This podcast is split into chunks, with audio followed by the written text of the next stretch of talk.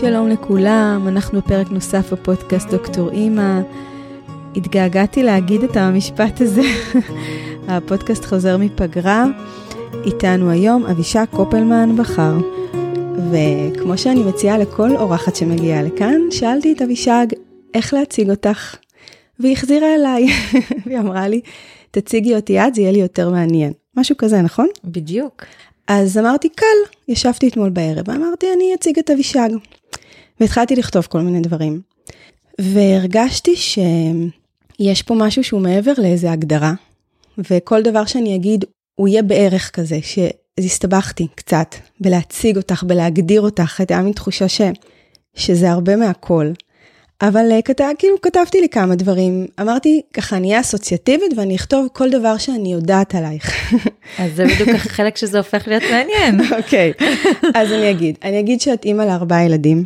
נכון. שאני זוכרת, אני חושבת את השמות זה תום, לני וניב, כן? כן. ויש את הרביעית שאני לא זוכרת את השם. קוראים לה מיילי, אבל מיילי. אני אתקן אותך, זה תום יוסף, לני חיים, ניב אהבה ומיילי שמחה. נהדרת. ידעתי שזה לא יהיה אימא לארבעה תום לני ניב, נו הנה התחלנו, אני הבנתי. אוקיי, ואני יודעת שאת uh, לשעבר בעלת המותג והאתר מכופתרות. נכון. ואת יזמית בנפשך, ואת בלוגרית, ואת בעלת הבלוג Off Roads Living, ואת אה, אימא מטיילת, שעל זה אנחנו חייבות לדבר, מתוך העיכובים שלי, כן? ויש לך ערוץ יוטיוב מאלף, ומלא השראה. ואני זוכרת שחברה אמרה לי, את מכירה את אבישג? כנסי רגע לערוץ ותראי. ואמרתי, אוקיי, מגניב, סרטון, ואני חושבת שביליתי שם שלושה ימים. כל רגע שהיה לי, אני לא הפסקתי, כי זה היה סוג של משהו מאוד מאוד ממכר. זאת הייתה ההיכרות הראשונה שלך איתי? כן. אוקיי, אז זה ממש לאחרונה. כן. אוקיי. לאחרונה, ואת מעבירה סדנאות כל מיני שאני אשמח שככה תדברי עליהם, אבל לפי מה שאני ראיתי זה ממש החיים שלך. סדנאות זה חלק ממה שאת עושה בתוך החיים שלך, שזה סופר מעניין מבחינתי. אז תכף. נגיע להכל. כן, כן. וגם אמ, אני מבינה שיש אה, איזשהו חיבור שלך עם מינימליזם. אבל גם לא הצלחתי להגדיר את זה, כי אני לא חושבת שזה מחובר לחלק הסגפני של המושג. אז אני זה, ויש לך גינת ירק מהממת ואני מזילה ריר כל פעם שהיא עוברת בפריים, לא משנה אם יש שם פוקוס או על מה הפוקוס. והדבר שאותי מאוד מאוד מעניין, ש... שהבנתי לגבייך, שגם המושג home schooling נכנס בתוך רפרטואר הדברים שאת אה, מתייחסת אליהם. וגם על זה אני אשמח שנדבר. אז יש לנו הרבה על מה וואי, לדבר. יש לנו רשימה מאוד ארוכה, אה, אז אני פשוט מעבירה אלייך, אני רוצה שתתחילי מאיפה שאת רוצה. יש לי כן משהו אחד שתפס אותי בתוך כל הסל הדברים ש... ש... שנחשפתי אליהם לגבייך, אבל אני, אני בהמשך, אם את לא תגיעי בזה, אני מבטיחה. אז איך מתחילים? את רוצה שאני ארים לך למשהו? כן. אז יאללה. תראי, אחד הדברים שתפסו אותי בך, בסיפור שלך, לפחות מהחלקים שאני נחשפתי אליהם, זה החזרה שלך הביתה. התייחסת לזה בכמה מקומות, והבנתי שזה קרה אחרי הלידה השלישית. Mm-hmm. ואני חושבת שאני בעיקר פוגשת אימהות שמשהו קורה להן אה, כשהן הופכות להיות אימהות. ומשהו בסיפור שלך שזה קרה, אבל אחרי שכבר היית בתוך איזשהו עולם אחר, אז זה אה, מאוד מאוד אה, עניין אותי. מה היה שם? Uh, כן, אז זה קרה, uh, אני, אני חושבת שבשביל להתחיל לדבר על uh, איך זה קרה ואיך חזרתי הביתה, אז צריך לתת uh, לפחות איזה דקה שתיים כדי להסביר מה היה לפני כן. נהדר. אז אני רציתי להיות אימא מאז שהייתי בת 14, עוד הרבה לפני שיכולתי להיות אימא. uh, אני ממש זוכרת את עצמי רואה אנשים בהיריון בסרטים ו... עזבי אירוע אנשים, אני הייתי חולמת בלילה שאני בהיריון, כשביולוגית אני עוד לא יכולה להיות בכלל בהיריון, וכשהייתי קמה בבוקר אז הייתי קצת מתבאסת מזה שיש לי עוד כל כך הרבה שנים לחכות עד שאני אהיה בהיריון ויהיו לי ילדים. אז אני באמת כל חיי חיכיתי להיות אימא. וכשהבן הראשון שלי נולד, תום, אז הייתי סטודנטית בשנקר בשנה השלישית של הלימודים. אה, היה לי כבר עסק שנקרא מכופתרות שהוא גם עבד בארץ זאת אומרת היה לי אתר ישראלי שדרכו מכרתי אנחנו מדברים על שנת 2009 אה, שבו שזאת השנה שהתחלתי עם הכופתרות שזה העסק שהיה לי אה, ותום נולד בשנת 2011 זאת אומרת העסק כבר היה מבוסס שנתיים היה לי אתר ישראלי שמכרתי דרכו זה ממש היה כאילו בתחילת האונליין בארץ בכל מה שקשור לקניות אינטרנט. Uh, הייתה לי חנות בפלטפורמה אמריקאית שנקראת אצי, הייתה לי חנות קטנה ביפו, הייתי סטודנטית בשנקר, וילדתי בערב ראש השנה את הבן הראשון שלי.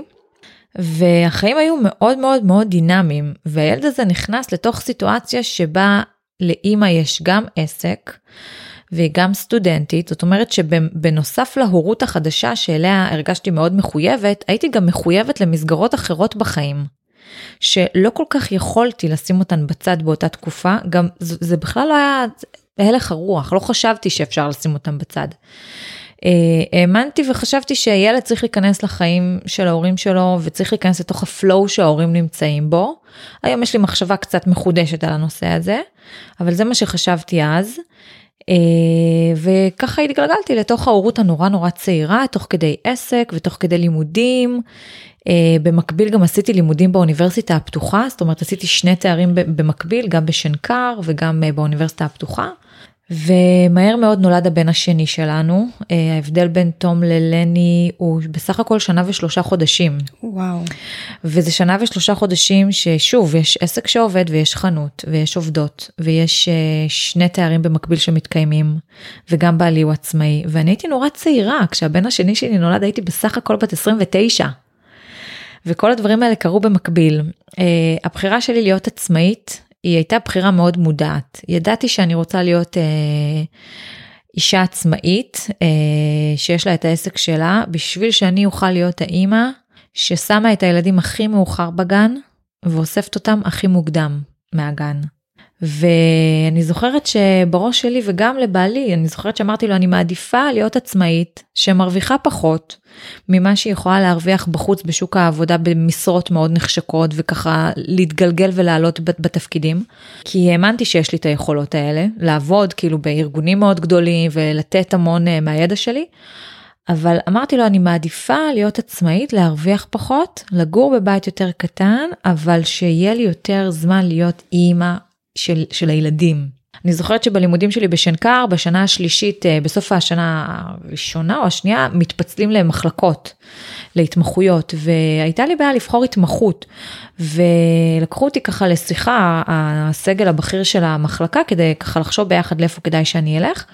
והם שאלו אותי מה את רוצה לעשות בסוף התואר כאילו מה את רואה את עצמך עושה והתשובה האינטואיטיבית הייתה אני רוצה להיות אימא. Hmm. כאילו וזה בכלל לא היה לא על זה דיברנו אבל זה מה שנבע ממני זה מה שיצא ממני. אמרו לי כן בסדר את רוצה להיות אימא זה ברור אבל מה את רוצה לעשות ואני עניתי שוב אני רוצה להיות אימא. סתם אנקדוטה כזאת ש...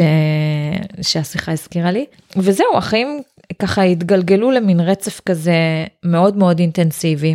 ואני באמת הייתי האמא ששמה הכי מאוחר ואוספת הכי מוקדם. אבל uh, זה משהו שאני גם חוזרת עליו בכל ההרצאות שאני מספרת ואני מדברת על זה. אני הייתי האמא ששמה הכי מאוחר, אבל בבוקר כשאני הייתי מתעוררת אז לא תמיד ישר הלכתי למיטה של התינוק. לפעמים הייתי פותחת את הטלפון כדי לראות אם היו הזמנות, או הייתה איזושהי בעיה בשירות לקוחות, או יש איזושהי לקוחה שיש איתה בעיה.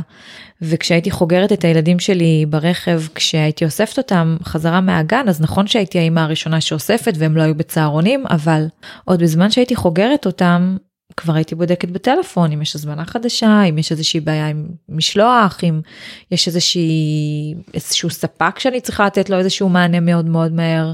והיה שם איזשהו קלאש כזה, משהו שאני מאוד מאוד רציתי אותו, אבל הוא לא הסתדר עם הדינמיקה המאוד אינטנסיבית של החיים. ניב נולדה כבר לאיזושהי סיטואציה אחרת. אה, אני אספר שאני, אחד הדברים שאני הכי אוהבת לעשות בחיים זה לטייל, ואני כל החיים שלי טיילתי עד שהכרתי את בעלי.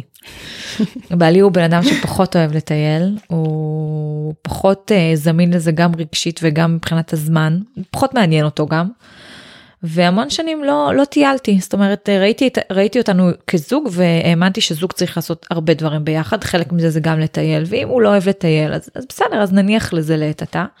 ומתישהו בהיריון השלישי של ניב אה, נוצרה סיטואציה שהיא היא, היא בדיוק עכשיו, היא יושבת בדיוק על הזמן הזה בשנה. היה חופש פסח ונשארתי עם שני ילדים קטנים בבית והיה עסק שצריך לתפעל אותו תוך כדי ואני ובעלי ככה חשבנו מי יעשה מה בשבוע הקרוב, מי יהיה איתם פה ומי יהיה איתם שם והיו לי ככה כמה ימים להיות איתם.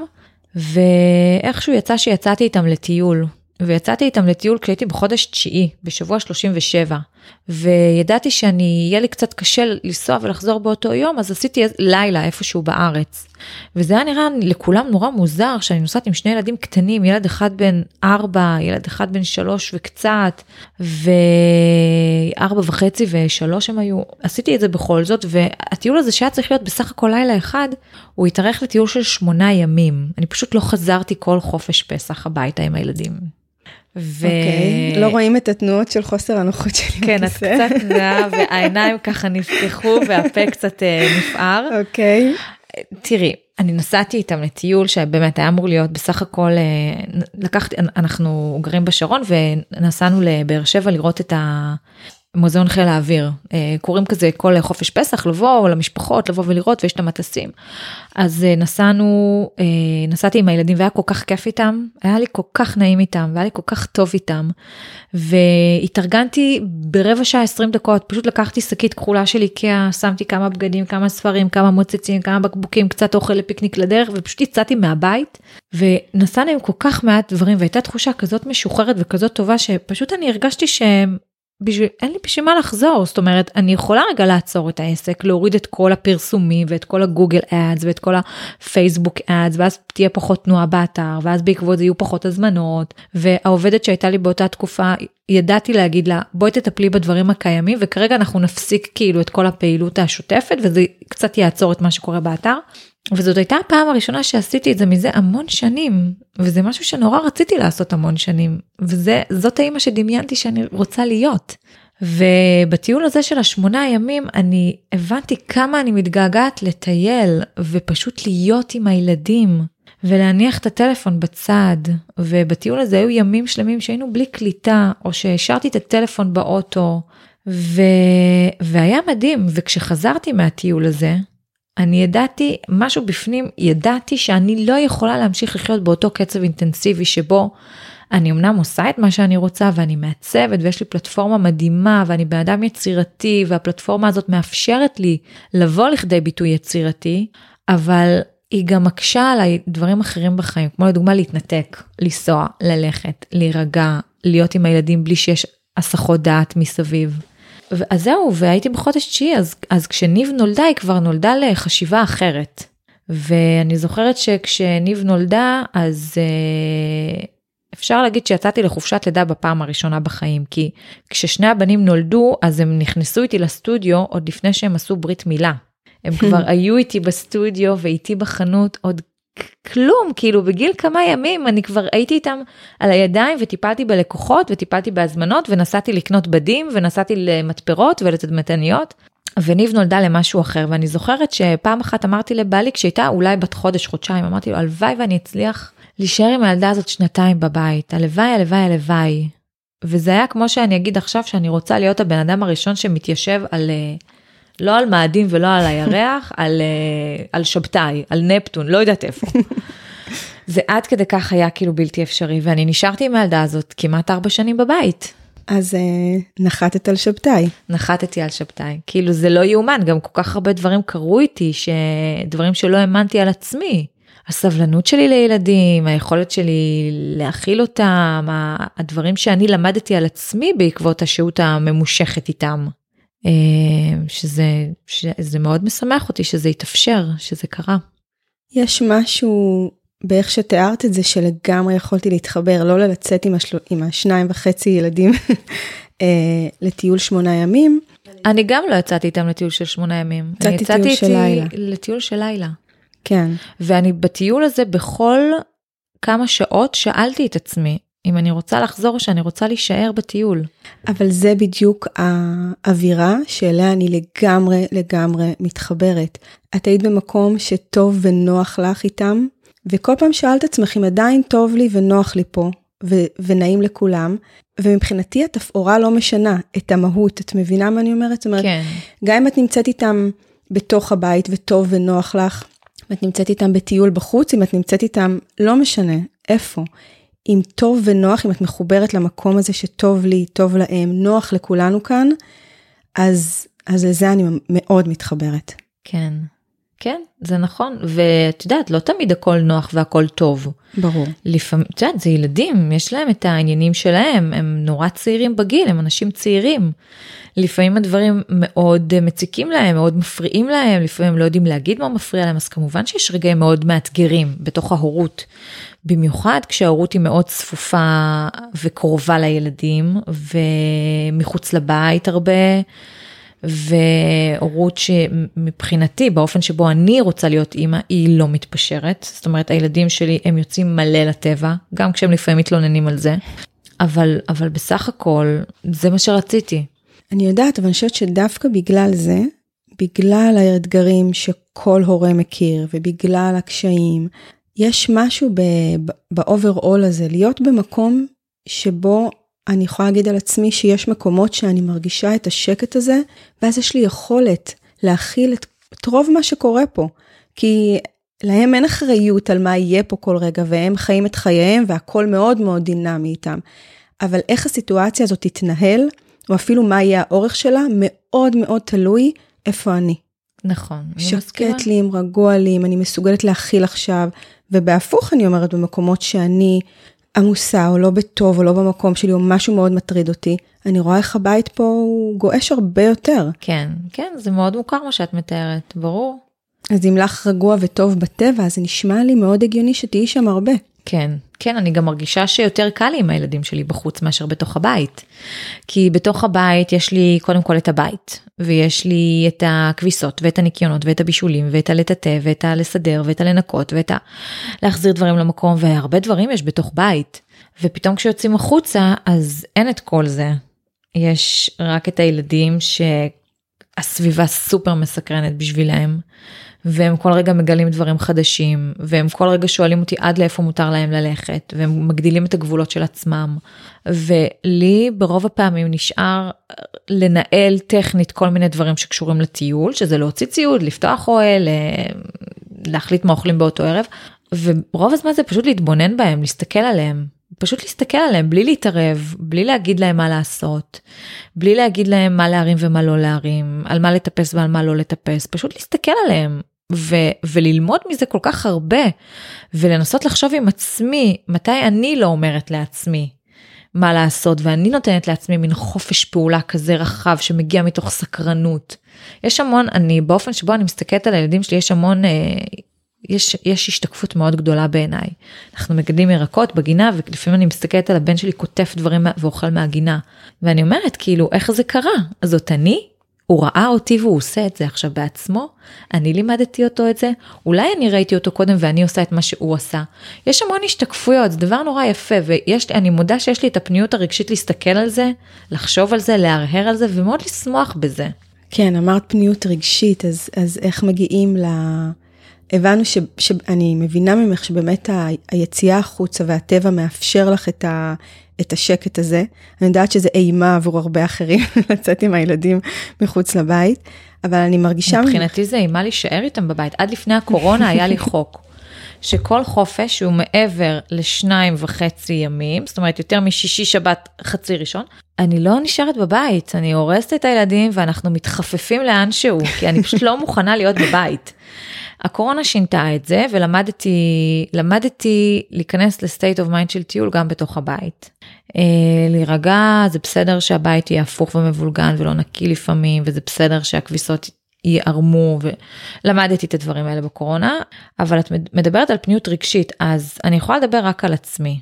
אני לא יכולה להגיד במה אני שונה מאחרים או במה אני נבדלת מאחרים אני יכולה באמת להגיד מתוך מודעות אה, על עצמי אני מרגישה שאני בתוך מודעות אני יכולה להגיד לך שהמון דברים לא מעניינים אותי. פשוט לא מעניין אותי הרבה דברים שפעם עניינו אותי. אז אם המוח שלי הוא 100% ופעם עניינו את המוח שלי 100% של דברים שהתחלקו ל-30 דברים אחרים.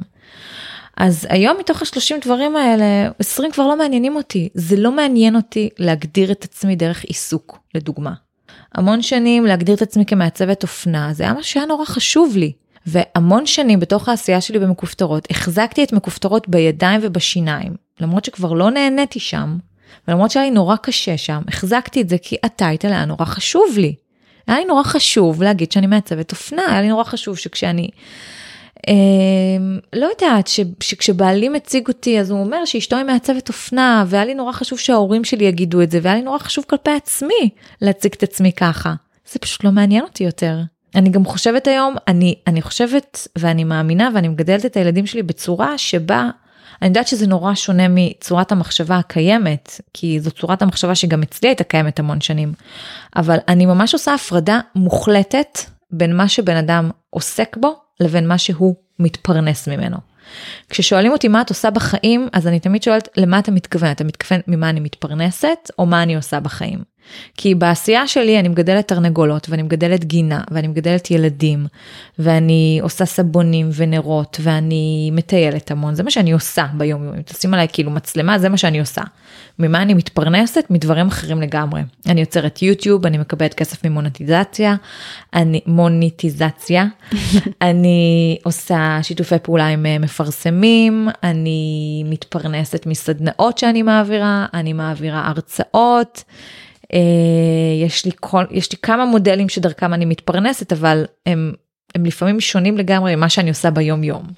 למרות שיש תחושה אה, מולך ש, שגם ערוצי הפרנסה הם מאוד אה, מחוברים לעשייה היומיומית שלך, גם אם זה ערוץ היוטיוב וגם אם זה הסדנאות שאת מעבירה, את בעצם מעבירה סדנאות על, על דברים שאת חיה אותם. נכון, נכון, אני מעבירה סדנאות והרצאות רק על הדברים שהם מתוך החיים הפרטיים שלנו. אבל תראי, נגיד לעשות תוכן שיווקי ביוטיוב, זה צריך לדעת איך לעשות את זה. זאת אומרת, נכון שאני עושה סרטון שהוא על החיים הפרטיים שלנו, אבל לעשות סרטון לפעמים לוקח לי חודש. זאת אומרת, לצלם כל פעם קצת, לשבת אחרי זה שלושה ארבעה ימים לערוך את זה. כל פעם תשע שעות מול המחשב. איך את מוצאת טכנית רגע זה תפס אותי תשע שעות. אז עכשיו כשיש לי תינוקת קטנטנה אז אני אני פחות אה, אני פחות מוצאת את הזמן שוב זה לא שאני פחות מוצאת את הזמן אני חושבת שהזמן הוא קיים שאלה מה עושים איתו בכל רגע. אם ממש ממש חשוב לי לערוך סרטון ויש לי משהו שנורא חשוב לי להגיד אותו אז אני אמצא את הזמן זה אומר שאני אשן פחות זה אומר שכשהילדה תישן בלילה שזה הפרקי זמן שהיא ישנה יותר אז אני אעשה את זה בלילה אבל אה, או שאני אזמין בייביסיטר אחר הצהריים שתהיה איתה ואז אני אערוך. אבל באופן עקרוני אם אין לי משהו נורא נורא נורא נורא נורא חשוב להגיד או לשתף או ללמד אז אני לא מלאה את עצמי ואת הצופים בעוד סרטון ועוד סרטון ועוד סרטון ועוד סרטון. שזה מדהים, אני לא זוכרת איפה שמעתי אותך אומרת את זה, בתוך השלושה ימים ששקעתי לתוך העולם שלך והקשבתי לך הרבה, אבל אני זוכרת שאמרת ש, שדווקא בקורונה, שהייתה איזושהי, אה, לא יודעת אם ציפייה, או כל, המ, כל האנשים שכן מנהלים את הפלטפורמות האלה, כן היה להם איזשהו שפע כזה של אה, תנועה, אני זוכרת באיזשהו מקום שאמרת שאת לא הרגשת מחויבת אם אין לך משהו חשוב ושדחוף להגיד. תראי, באופן עקרוני אני אומרת את האמת, ואני מרג... באמת לא מרגישה מחויבת לכלום, נקודה. חוץ מאשר לעצמי ולמשפחה שלי. הערוץ יוטיוב הוא מקסים והוא כיף, ושוב, אני מתפעלת אותו כי אני יודעת היום להגיד ממורמי גיל 38, הטרי, שאני בן אדם מאוד יצירתי, זה, אני באמת בן אדם יצירתי, ואם פעם את כל היצירתיות שלי הבאתי לידי ביטוי במותג שפתחתי שנקרא מכופתרות, שהצבתי גם בגדי נשים וגם אקססוריות וגם תכשיטים וגם שמאלות לילדות וגם נעליים וגם עשיתי קניינות וגם כתבתי בלוג וגם פתחתי בתוכו בלוג של חתונות וגם היו בפנים מפרסמים וגם עשיתי סדנאות, כאילו יצרתי מין פלטפורמה כזאת שיצקתי לתוכה את כל היצירתיות שיש בי שהיא מאוד מגוונת גם, כי אני אוהבת לעצב ולעשות דברים עם הידיים ואני אוהבת לכתוב ואני אוהבת ללמד. אז גם הערוץ יוטיוב הוא מקום שבו אני מביאה את עצמי לידי ביטוי יצירתי, אני מצלמת ואני עורכת ואני חושבת מה להגיד ואני חושבת איך תהיה האסתטיקה ואני חושבת uh, מה יהיה הסרטון הבא. אבל uh, אני לא מחויבת אליו, זאת אומרת יכול להיות שיום אחד אני אחליט שזה, שמיציתי ואני עוברת לפלטפורמה היצירתית הבאה, כנראה שזה מה שיקרה איתי כי יש בי מין משהו כזה שמניע אותי לעשייה, אבל uh, אני לא מרגישה כל כך מחויבת לא לתפעל עמוד אינסטגרם. ולא להעלות סטורי ולא להעלות סרטוני יוטיוב אם אין לי באמת משהו חשוב להגיד ולא לכתוב בבלוג כי חייבים אני חושבת שלא כתבתי בבלוג שלי כבר לפחות חצי שנה אבל כאילו הדברים האלה קיימים ואני גם כל הזמן כשמדברים איתי נגיד על היוטיוב אנשים שרוצים לפתוח ערוצי יוטיוב אז אני מסבירה שאני לא הבן אדם להתייעץ איתו, כי אני בחיים לא, לא פרסמתי סרטון יוטיוב שלי ולא מימנתי פרסון, אמ, סרטון יוטיוב בתשלום, או זאת אומרת אני תמיד עושה סרטון יוטיוב, מעלה כזה סטורי, כותבת בפייסבוק, ו, ומבחינתי זה יסתיים. עכשיו, זה שם כדי שזה יהיה כמו מין, כמו מין אה, קורי עכביש כאלה, זאת אומרת מי שצריך להיתפס שם, ייתפס שם. מי שעולמות התוכן האלה מעניינים אותו של גינה ושל... של אה, קצת חינוך ביתי וקצת טיולים עם הילדים וקצת מנימליזם, מי שזה מעניין אותו והוא יחפש את זה בגוגל, או שהוא יחפש את זה ביוטיוב, או שהוא יחפש את זה באינסטגרם, איכשהו הוא יגיע אליי. אני לא צריכה כאילו ממש לעשות מאמצים נורא נורא נורא גדולים כדי להגיע לאנשים. הם, זה פשוט שם, הם יגיעו לזה בזמן שלהם, ברגע שלהם. וזהו, אז אני מרגישה מאוד לא מחויבת. כן, אני חושבת שזה כנראה חלק מהקסם. והזכרת ככה את הערוץ ואת הסרטונים, אז אני רוצה להגיד לך שמעבר לתוכן שאליי הוא ברובו אה, מאוד מדבר, אה, יש משהו במקצוענות שאת אה, מציגה את הדברים, שאני חושבת שזה באמת לא ראיתי או לא, לא נתקלתי בדבר כזה, בטח לא פה בארץ. וזה נגיד משהו שתפס אותי באישיות שלי. איזה כיף. מעבר לתוכן, התוכן עצמו כמובן נוגע בעולמות שלי, אבל יש משהו שם, הקפדה על הפרטים, זה חלק ממש ממקצוענות. הקפדה על הפרטים, על ה styling, על הפריימים, על המעברים. כאילו כמי שצופה זה בזה. זה כל כך מצחיק שאת אומרת את זה, כי אין. כאילו, אני אבל... מצלמת בבית, זה כאילו, נכון, לא תמיד אבל... הסביבה מסודרת, לפעמים, אני רוב הזמן לא מאופרת. אני רוב הזמן כאילו עם קוקו בשיער. אני לפעמים מצטלמת עם, עם החלוק ועם הכאילו כי אין לי זמן לסדר את הכל, אבל כן, אבל כן, זה, זה אבל, מסתדר איכשהו. אבל זה חלק מהאווירה האותנטית בעיניי של, ה, של מה שזה עובר. מהמם, ו- אני שמחה ו- לשמוע שזה ככה, אז, כי... ואותי זה תופס, אני מרגישה שכצופה, שהשקיעו בי, שמישהו לא... גם כשאני עם החלוק? להפך, החלוק נותן תחושה ביתית שכולנו, בסופו של דבר, בפריימים מסוימים נראים אותו דבר. כן. את מבינה? מניקה אז... באמצע המטבח בעמידה עם חלוק.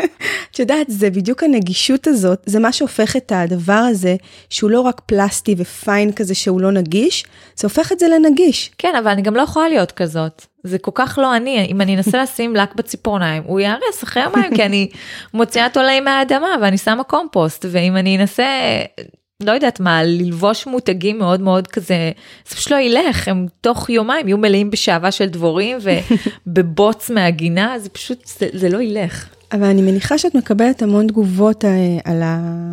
על הערוץ, אז... אה, כן, מלא, אז, אז מלא. בכל זאת, את בן אדם מאוד מודע ואת עושה את זה, אז מה שם בעינייך עובד טוב? Uh, תראי, קודם כל יש עכשיו את תסמונת המתחזה. אני... סקרנט. את מדברת איתי ואת אומרת לי שזה נורא מקצועי, עכשיו אני, אני לא בעדה, אני לא אשת מקצוע. אני לא חוקרת אה, הורות, אני לא חוקרת... אה, אני בן אדם מאוד סקרן והסקרנות שלי מובילה אותי ללמוד המון ובמסגרת הלמידה שלי אני קוראת המון ספרים ואני צופה בהמון סרטונים ואני קורא המון, קוראת המון מאמרים ואני מתייעצת עם המון אנשי מקצוע אבל להגדיר את עצמי כמומחית או כמקצועית זה משהו ש... אני מבינה שאנשים אחרים רואים אותי ככזו, כי אני קוראת את מה שכותבים עליי ומה שכותבים לי, ואני מקבלת באמת המון גלים של אהבה, גם בתגובות בערוץ וגם באופן פרטי לגמרי למייל כל יום. אבל יש כאן את העניין שאני אומרת לעצמי, רגע, אולי אני עובדת על אנשים, כאילו מה, אני בסך הכל אימא של ארבעה ילדים עכשיו, אני בסך הכל מצלמת דברים מהחיים הפרטיים שלי, ואנשים לוקחים את זה כל כך ברצינות, כזה מין איזשהו דיסוננס שכל הזמן משחק בפנים, אבל אה, שזה כזה קול פנימי שקיים בי, אבל מצד שני אני גם יודעת כמה אני מקפידה. שאם אני אומרת משהו שקשור לזה שסתם נגיד עשיתי סרטון שמדבר מאוד אה, על אה, חלקים מעקרון הרצף, אז אני נותנת שם כל מיני אנקדוטות מתוך מחקרים, אז זה חשוב לי להגיד, לא רק שזה, לא רק להגיד שהדברים נחקרו, אלא להגיד כשאני יודעת באיזה ספר קראתי, מה היה המחקר, באיזה שנים הוא בוצע, זאת אומרת באמת שיהיה תוקף לדברים. תראי, הערוץ הוא ערוץ חוצה מגזרים. כותבות לי נשים חרדיות מבני ברק, צעירות בנות 18, ונשים חרדיות מ... קרה לי גם מכל מיני חרדיות ממש, בנות 60 פלוס, וכותבים לי אה, גברים בני 70 פלוס, ויש לי עוקב מתוק ומקסים בן 13 שעושה את כל הסבונים שלי ואת כל הדברים שלי ושולח לי תמונות. וכותבות לי נערות בנות 16, וכותבות לי נשים צעירות בנות 25, ואימהות צעירות בנות אה, 20 וקצת, ונשים בנות 40. הוא באמת חוצה מגזרים, אה, והוא, וכותבות לי נשים נוצריות, וערביות, ובדואיות, ו... זה מדהים, זה כאילו, אני אומרת, וואו, איזה זכות גדולה. נפלה בחלקי, שבסך הכל כל מה שאני עושה זה אני משמיעה קול של משהו שהוא אפילו לא אני, זה משהו שאני שמעתי, זה משהו שאני ראיתי, כי בסופו של דבר אני, אני תוצר של ההשפעות הסביבתיות שהחלטתי לאמץ פנימה, אוקיי? אני לא המצאתי שום דבר, אני באמת לא המצאתי כלום. זאת אומרת, אני ראיתי אנשים אחרים מגדלים גינה והחלטתי שגם אני רוצה. אני ראיתי אמהות אחרות מגדלות את הילדים וכאילו עם מנשאים ועליהם וככה שמות את, ה, את הסטרס של החיים רגע בצד ואני אמרתי, גם אני רוצה את זה. אז לא המצאתי שום דבר, אבל עדיין זה שאני חולקת עם אנשים אחרים זה מביא לי כל כך הרבה, אז זאת זכות נורא גדולה. וזה כיף, אני בהכרת תודה מאוד גדולה על זה. זה באמת הרבה איך שאת מגישה את זה. ולגבי המקצועיות, מקצוענות, אני חושבת שאתה יכול להיות מאוד מקצוען במה שאתה עושה, גם אם זה לא המקצוע שלך. ואת גם דואגת להגיד, אני לא יועצת הנקה, כן, נכון. אני לא מדריכת הורים, אלו חיי, זה, זה, זה מה שאני עושה, זה מה שאני יודעת. תודה רבה. ואני רואה איך זה משהו שהוא, שהיה גם כשהיית מעצבת אופנה, בטוח הייתה שם הקפדה מאוד גדולה על דברים ועל הפרטים. אני לגמרי רואה את היצירתיות הזאת שבך, שכל פעם היא מקבלת ביטוי במקום אחר. כן, כנראה שאני לא יכולה בלי זה. Uh, הרבה פעמים שואלים אותי בהרצאות, אבל לא חסר לך לעצב? לא חסר לך לעצב אופנה, לעצב, לגעת בדברים? אז אני יודעת להגיד היום שכשאני עזבתי את מכופתרות הייתי בטוחה שזה יהיה לי חסר וידעתי, אמרתי מה אני אעשה אבל, אבל מה אני אעשה כאילו. לא ידעתי עוד לשאול את השאלה הנכונה ולא ידעתי בכלל לצפות מה יקרה, אבל היום אני יודעת להגיד שמעיצוב של בגדים ומוצרים, אז היום אני מעצבת את הגינה, ואני מעצבת את האוכל שלנו, ואני מעצבת את האקלים שלנו בתוך הבית, ואני מעצבת את הלך הרוח, ואני מעצבת את הילדים שלי לא ברמה האסתטית, אני מעצבת משהו מבפנים. ומבחינתי זה, זה אותו דבר, פשוט הדיסציפלינה השתנתה, זה, זה פשוט אותו דבר, אני עושה את אותם דברים. פשוט, כמו שאמרת, בתפאורה שהיא קצת אחרת. ויש דברים בתוך הבית אה, שמעייפים אותך, ששואבים ברור ממך? ברור שיש, בוודאי שיש. אני אתחיל מזה איך ש... איך את פותרת את זה? לפעמים אני לא פותרת את זה. Okay, אוקיי, אני חושבת שהדבר הכי מאתגר בחיים שלי, הוא גם הדבר הכי... ואני מאוד פתוחה איתך בשיחה, ואני מאוד כנה איתך בשיחה, זה הזוגיות שלי. אני חיה זוגיות לא קלה, זה בלשון המעטה. אה, אני ובעלי, אז זה האהבה הכי גדולה באמת, הכ, הכי גדולה שהייתה לי בחיים, ואני לפעמים שואלת אותו אם גם אצלו זה ככה, והוא אומר לי שכן. אבל אנחנו כל כך שונים, אנחנו כל כך שונים, שאין כמעט כלום שאנחנו יכולים להסכים עליו, או לזרום עליו אפילו. זה תמיד יהיה מישהו צריך לקחת ומישהו צריך ממש לתת. כאילו לפעמים זוגות הם הולכים כזה ביחד לכל מקום, כזה החלק הרוחני שלהם הולך ביחד לכל מקום. אצלנו בשביל שאנחנו נלך ביחד לכל מקום, זו צריכה להיות החלטה מודעת כל יום מחדש, ואנחנו מחליטים על זה כל יום מחדש. אז אם את שואלת, אה, אז יש מלא דברים מאתגרים בחיים, כשאתה חי עם בן זוג שהוא נורא שונה ממך בתפיסה, ב... בשאיפות, ברצונות, היומיומיים, אפילו לא הגדולים, אה, אז זה דבר שהוא דורש המון, אה, המון עבודה עצמית, המון קבלה של הבן אדם שעומד מולך. יכולת ביטוי מאוד מדויקת ויכולת ביטוי שהיא גם שהיא יודעת שהבן אדם שעומד מולך הוא רואה את הדברים אחרת אז זה שתסביר לו מה אתה חושב ומה אתה רואה זה לא תמיד יעזור. זאת אומרת צריך לנסות להסביר את הדברים מתוך נקודת ולנסות להבין את הנקודת מבט שלו כל הזמן זה מין כזה פינג פונג. אמ, שלושה ילדים שהם יחסית צפופים בתוך הגיל זאת גם דינמיקה שהיא לא קלה בכלל. אבל uh, אף אחד לא הבטיח לי חיים קלים אני אף פעם לא חושבת שבחרתי בדרך הקלה. Uh, ואני לא מפחדת מאתגרים אני לא מפחדת מהם אני יודעת שיש לי המון זמן. והזוגיות הטובה שלי ושל בעלי היא התפתחה עם הזמן. עם כל מה שיש בתוכה ועם כל השוני וכל ההבדלים בינינו, היא התפתחה לזוגיות טובה לאורך השנים. Uh, ההורות שלי שהיא היום יותר רגועה ויותר סבלנית ויותר מכילה עם הילדים, היא התפתחה עם השנים. אז uh, כנראה שאני טובה בריצות למרחקים ארוכים. ואני מבינה שקושי הוא חלק מהעניין. עכשיו נגיד כשאני אתן לך דוגמה, כשאני מטיילת עם הילדים שלי ואנחנו בטיול ואני לבד איתם, כי לרוב אני מטיילת איתם אה, לבד, אה, כי אה, בעלי הוא לא תמיד פנוי לטיולים. אה, אז יש המון קשיים, הקשיים לפעמים הם טכניים, שזה לארוז עכשיו את הבית ולהכניס את הילדים לאוטו ולנסוע עכשיו שעתיים וחצי לאנשהו בשביל לפתוח אוהל ולישון בחום עם יתושים. עכשיו אם אני אסתכל על זה ככה אז סביר שאני לא אצא מהבית אבל אני כל פעם מפרקת את הקושי ל, ל, לדברים קטנים. אני יודעת שיש לי עכשיו רק לארוז את הדברים אז אני רק אורזת את הדברים ואני מגייסת את הילדים ואנחנו כולנו אורזים את הדברים. ואז זה רק להיכנס לאוטו. אנחנו עכשיו רק נכנסים לאוטו. ועכשיו זה לשים מוזיקה ולהגיד להם חבר'ה עוד שישה שירים או שבעה שירים מעכשיו אנחנו נעשה הפסקה ראשונה. וזה רק להתחיל את הנסיעה. ואחרי זה זה רק להגיע למקום וחבר'ה צאו החוצה לכו תשחקו ואני עכשיו רק פורקת את האוטו ופותחת את האוהל.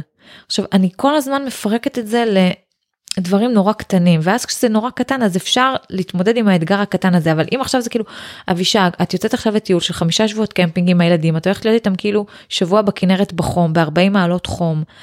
אה, אז זה, זה קשה זאת זה אתגר קשה כשמסתכלים על זה ככה. כן, אני אמ, רגע חוזרת ל, ל, ל, לזוגיות שתיארת ולאתגר, אני חושבת שתגידי לי אם זה, אם זה קשור למה שאת מתארת, בעצם את עברת שינוי אה, מאוד משמעותי בתוך ההורות, בתוך הזוגיות. זאת אומרת, יש, אני אגיד את זה אחרת, יש הרבה נשים שהבעלים מתארים שהאישה שלהם השתנתה. זה לא, זאת לא האישה שאיתה הם התחתנו. הם הכירו אישה אחת, הייתה להם זוגיות נהדרת, ואז היא הפכה להיות אימא, ואני מתעורר בבוקר לצד מישהי שאני לא כל כך מזהה. ואני חושבת על המסלול חיים שלך, שמשהו, בה, אפילו אחרי שני ילדים, משהו בהורות שלך השתנה קצת. זה משנה את הדינמיקה, את המורכבות שאת מתארת? תראי, אה, הדבר הכי מרגש בעיניי בזוגיות שלי ושל בעלי, זה ש... אנחנו כל הזמן יכולים להגיד אחד על השני שאנחנו לא מכירים אחד את השני. וכל הזמן אפשר, כאילו, אני כל הזמן מגלה בו דברים חדשים. והוא, ברור שהוא מגלה בדברים חדשים. אני לפני כמה ימים שאלתי אותו, אתה האמנת שהבחורה הזאת שאתה הכרת באוטובוס והתאהבת בה בשנייה, יום אחד כאילו תזקק לך שעבד דבורים בבית ותעשה סבונים, אתה האמנת שזה מה שאני אעשה בחיים?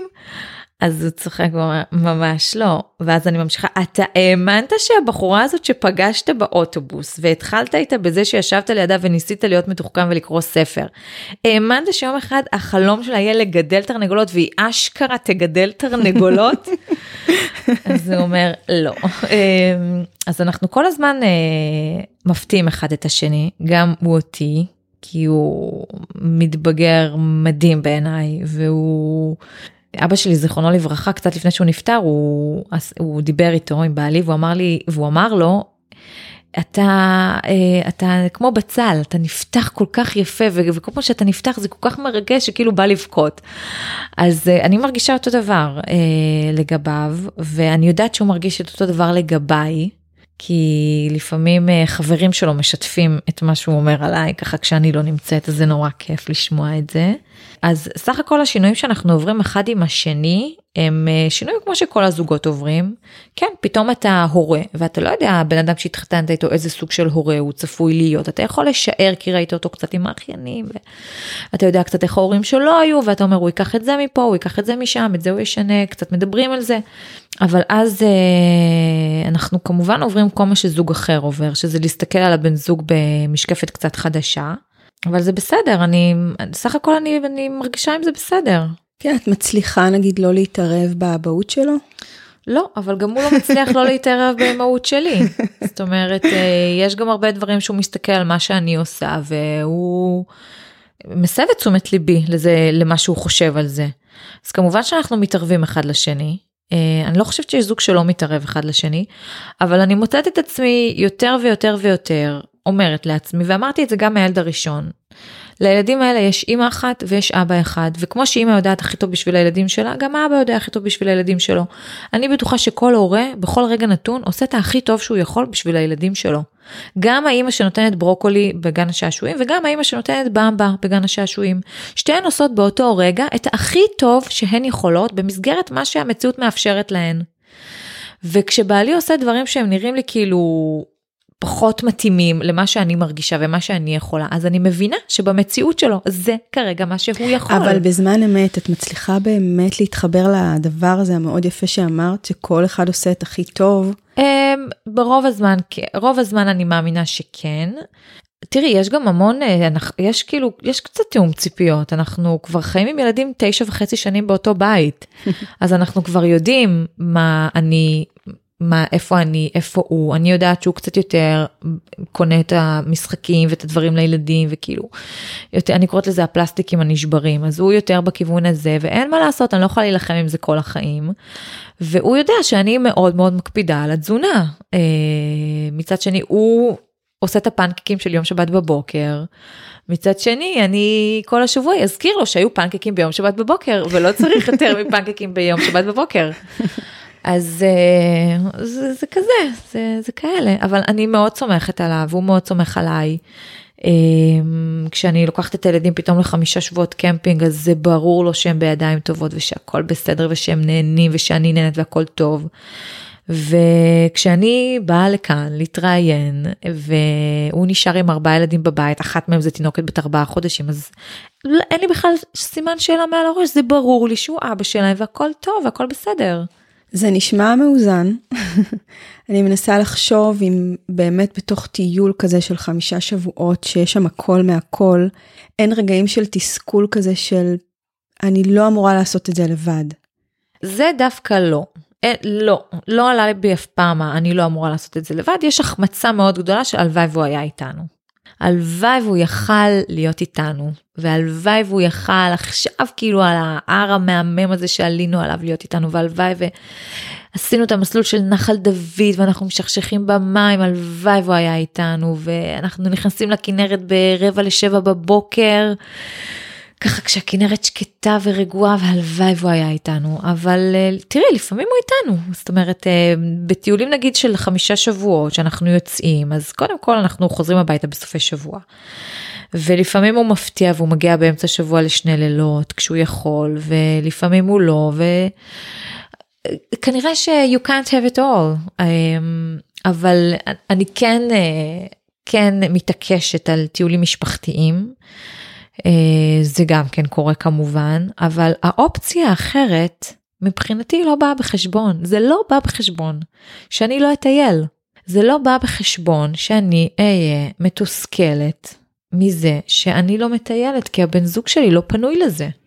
אני מעדיפה את ההחמצה הקטנה הזאת בלב על זה שהוא לא איתנו, מאשר ההחמצה הגדולה שלא יוצאים לטייל בכלל. אז זה גם הוא לא איתנו, גם לא יוצאים לטייל, גם אני נורא רוצה וזה לא קורה, וגם אני חושבת שאז נוצר תסכול, והבן זוג הוא יוצא, זה שהוא האשם בסיטואציה, ופה אין אשמים. גם התהפך אצלנו הגלגל, כי אני כל החיים רציתי לטייל, ובעלי פחות היה בעניין, עוד כשהייתי סטודנטית ועוד לפני שהיו לנו ילדים, היו שבתות. שהוא רצה לשכב לנוח כאילו לישון ואני פשוט הייתי מוצאת את עצמי מטיילת לבד עם הכלב. אבל מהרגע שהתחלתי לטייל איתם לבד זה יתהפך, כי אני לא צריכה לבקש, ואני לא צריכה להתחנן, ואני לא צריכה להגיד לו, בבקשה, בוא ניסע, בוא נסגור. אני פשוט אומרת לו, תשמע, אני ואנחנו נוסעים, אתה רוצה להצטרף? אנחנו נוסעים, בא לך לבוא? אנחנו נוסעים, כאילו, בא לך להצטרף לכל הטיול, לחלק מהטיול. ואז, אני אגיד לך את האמת, מאז שזה התהפך ואני התחלתי לטייל כאילו, ולטייל מתי שאני רוצה, הוא מטייל הרבה יותר. הוא מצטרף הרבה יותר. הוא בא רק כשהוא רוצה, ולא כי מכריחים אותו לקום ביום שבת בשעה שמונה בבוקר, להיכנס כאילו לאוטו ולעמוד שעתיים בפקקים של איזושהי שמורת טבע. לשנינו זה יצא טוב. כן, אני חושבת שמה שאת אומרת, אפשר לקחת את זה להרבה, לכל תחום, אבל את אומרת, אני רוצה משהו, אני עושה אותו. כן, זה, זה, זה תכונת אופי, זה מגיל מאוד מאוד צעיר. כשאני רוצה משהו באמת, אז, אה, אז אני עושה אותו. אני חושבת שהחיים הם נורא קצרים. אני, אין לי מושג כמה זמן יש לי כאן. אה, יש המון דברים שמסקרנים אותי ומעניינים אותי, וכל יום שבו יש לי סקרנות שלא באה לידי ביטוי מעשי, ואני לא נותנת לה אה, ביטוי בתוך החיים שלי, זה יום מבוזבז מבחינתי.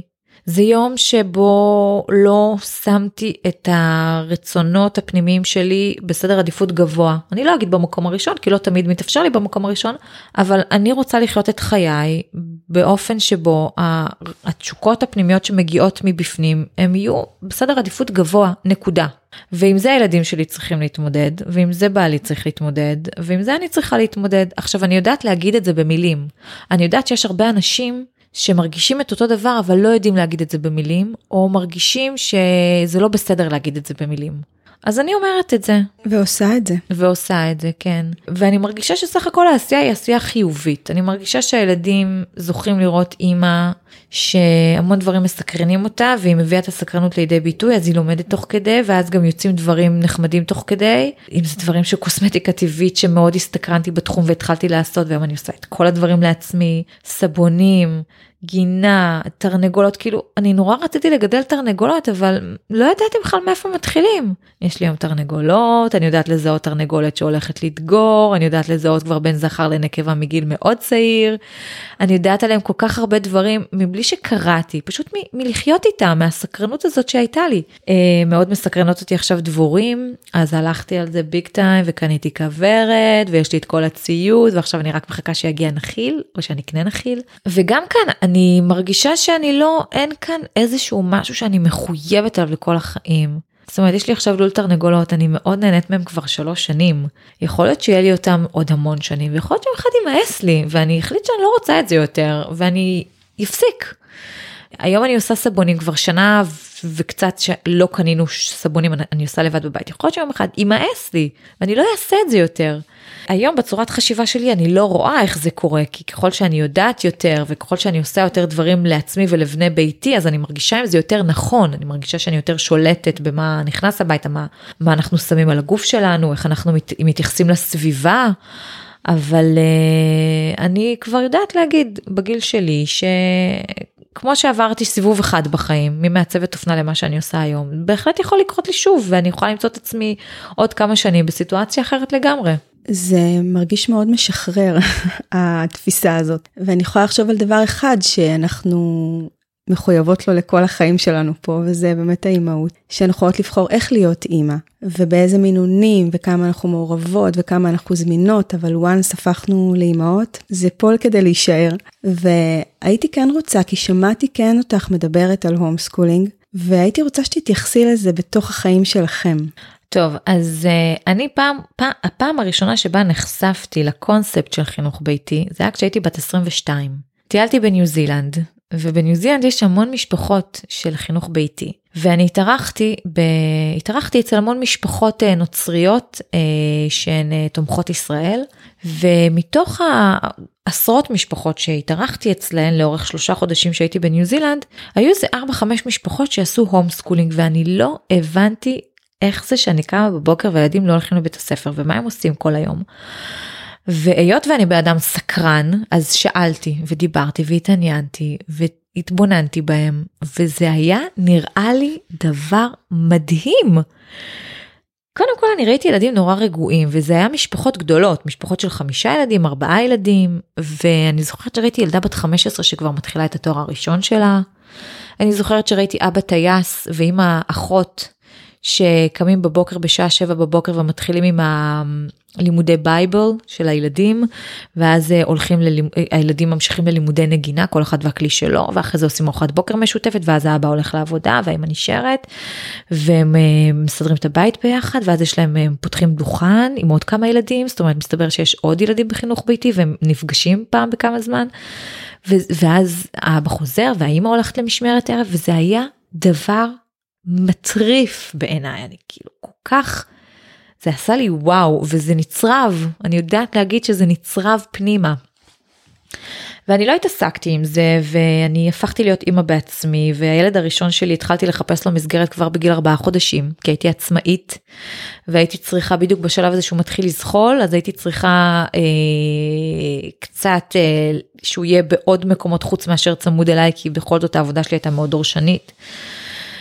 ולא חשבתי בכלל שזה משהו שיכול להיות בתוך החיים שלי, כי החיים היו מאוד מאוד מאוד אינטנסיביים, אבל תמיד ידעתי שכל מה שקשור למה אני רוצה ללמד את הילדים זה עליי. מגיל נורא צעיר. אה, כן שמתי אותם במסגרות, אבל המסגרת הייתה מבחינתי איזשהו מקום שבו אני יכולה קצת להתאוורר. ואיזשהו מקום שבו הילדים יכולים לפגוש עוד ילדים. כל מה שקשור למה הם ילמדו ברמת ה... מה אנחנו, מי אנחנו, מה אנחנו עושים פה, מסורת, יהדות, היסטוריה, עם ישראל, טבע, חלל החיצון, כל השאלות הסקרניות שיש להם. אני הרגשתי תמיד שזה עליי, ש... אין מסגרת שאני יכולה לתת את הילדים שלי ולהרגיש בנוח אה, עם מה שילמדו אותם שם. זה גם לא שאל, שאלה של להרגיש בנוח, כי הילדים שלי היום הם רשומים לבית ספר דמוקרטי והם הולכים אליו חלק, חלק מהימים וחלק מהזמן, ואני מרגישה מאוד בנוח עם המסגרת הזאת, היא מסגרת שאני באמת מרגישה איתה טוב. אבל אני מרגישה שהחינוך שלהם הוא, הוא שלי, הוא עליי, וכאן נכנס הקטע של ה homeschooling, כי גם בתקופות שבהם הם הלכו לבית הספר תמיד, היה לי חשוב לשלוף אותם מהמסגרת לפחות לכמה שבועות בשנה כדי לטייל איתם, כדי לדבר איתם, כדי ללמד אותם, כדי לשמוע מה הם למדו, כדי לראות איפה אנחנו נמצאים על סדר הלמידה שלנו.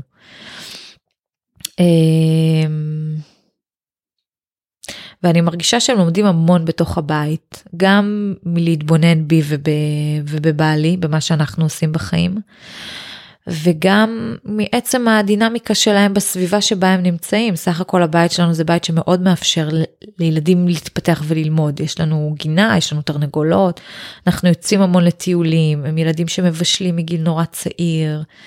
כל דבר שמסקרן אותם אז אני האוזן שלי כרויה אני ממש שומעת אפילו לא ממה שהם אומרים אלא מאיך שהם מתנהגים. המקום שלי בתור מי שהחליטה להביא את הילדים האלה לעולם זה חלק מהתפקיד שלי זה ללמד אותם דברים. הילדים שלי רשומים לבית ספר דמוקרטי. אה, הם יכולים לבחור לאיזה מקצועות להיכנס. אה, אם הילד שלי לא בוחר להיכנס לשפה למרות שאצלי ספציפית הם כן בוחרים והם מקפידים והם נכנסים. אז אין שום בעיה, אז אני אשלים לו את זה בבית, אז אנחנו נקרא יותר ספרים ואני אגרה אותו להתבונן על אותיות ואנחנו נתחיל לעבוד על הניקוד בבית, פשוט נעשה את זה. אני מאוד מאמינה שלמידה מתרחשת מגיל אפס עד סוף החיים וזה משהו שאני מלמדת את הילדים שלי, אני מלמדת אותם, אני, אני ממש אתבאס אם הילדים שלי יסיימו 20 שנות לימוד, 12 שנות לימוד בית ספר, עוד 4 תואר ראשון, עוד 4 תואר שני. זה ממש יבאס אותי, אני רוצה שהם יחוו 120 שנות לימוד. זאת אומרת, אה, כאילו, הלמידה היא מתרחשת כל הזמן, אני לא רוצה שהיא תהיה מוגבלת רק לשעות שבהם הם בבית הספר ולחצי שעה, שעה שהם עושים שיעורי בית אחר הצהריים. אז אפילו בתפיסה שלך אפשר אפילו לנתק את הלמידה ו... ולהגיד עד כמה אני מעורבת בחיים של הילדים שלי וזמינה להם מעבר ללמידה, וזה אני מרגישה ממך שאת במאה אחוז שם. אני חושבת שכשנחשפתי גם לדברים שאמרת וגם קצת לאורח החיים שלכם, אמרתי, את לגמרי עם הילדים, את מכירה אותם, הם מכירים אותך, אתם חיים ביחד, את מעורבת מאוד בחיים שלהם, את זמינה להם. זה, זאת אומרת, זאת אומרת, אני רואה את החיים שלך ואת אומר, ואני אומרת לעצמי, את זמינה להם. כן, כן, ואת אומרת עכשיו דברים ואני כזה, ואת, ופתאום לי יש וואו, כי אני מבינה שיש בתים שזה לא ככה, ואני פשוט רגילה לבית שאני נמצאת בו, אבל קודם כל, לשמחתי הרבה אני תפסתי את עצמי בידיים כשההורות שלי עוד הייתה צעירה, כי אני לא הייתי ככה, נקודה. Uh, הבן השני שלי נכנס למסגרת כשהוא היה בן שנה ושלושה חודשים, אבל עד אז הוא היה רוב הזמן עם אימא שלי, כי אני עבדתי ולמדתי והייתי סטודנטית. והייתי יוצאת מהבית בשעה שבע וחצי שמונה, אמא ש... הייתי שמה אותו אצל אמא שלי, והייתי חוזרת בשעה שש שבע בערב אחרי שהוא היה אצלה כל היום והיא עוד אספה את הבן הגדול יותר שהיה בסך הכל בן שנתיים וחצי לקראת גיל שלוש.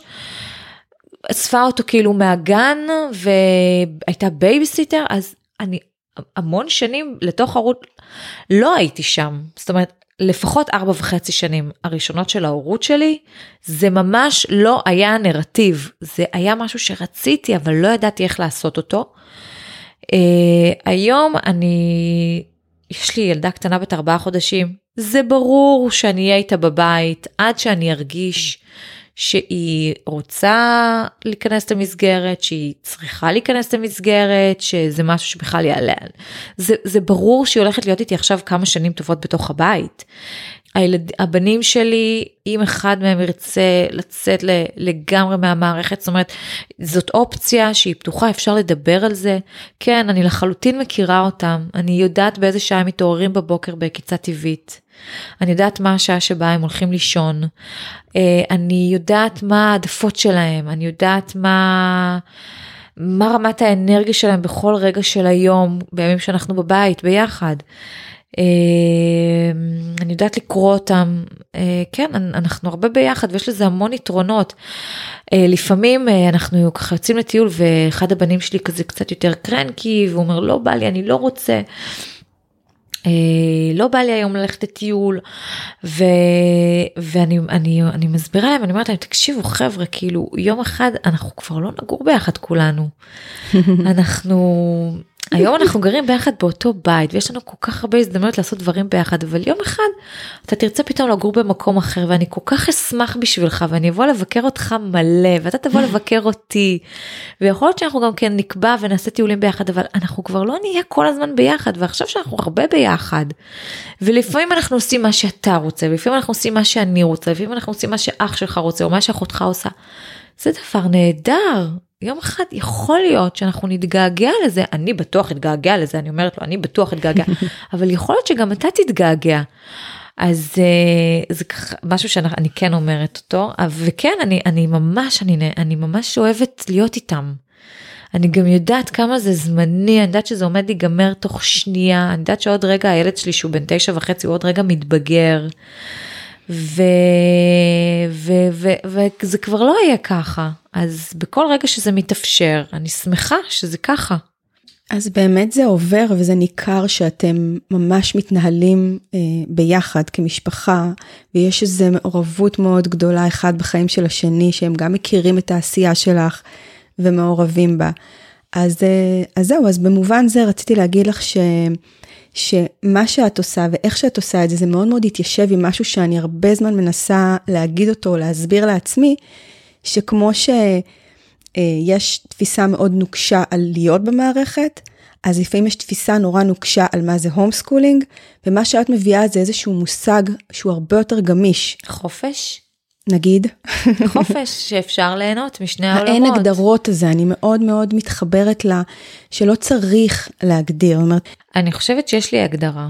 אה, ההגדרה שלי היא, אני רוצה שכל יום מחדש, שבו אני פוקחת את העיניים, הוא פשוט יהיה יום טוב וכמה שיותר קל. רגשית, הקלות שאני מדברת בה זה קלות רגשית, זה מין תחושה כזאת. ו...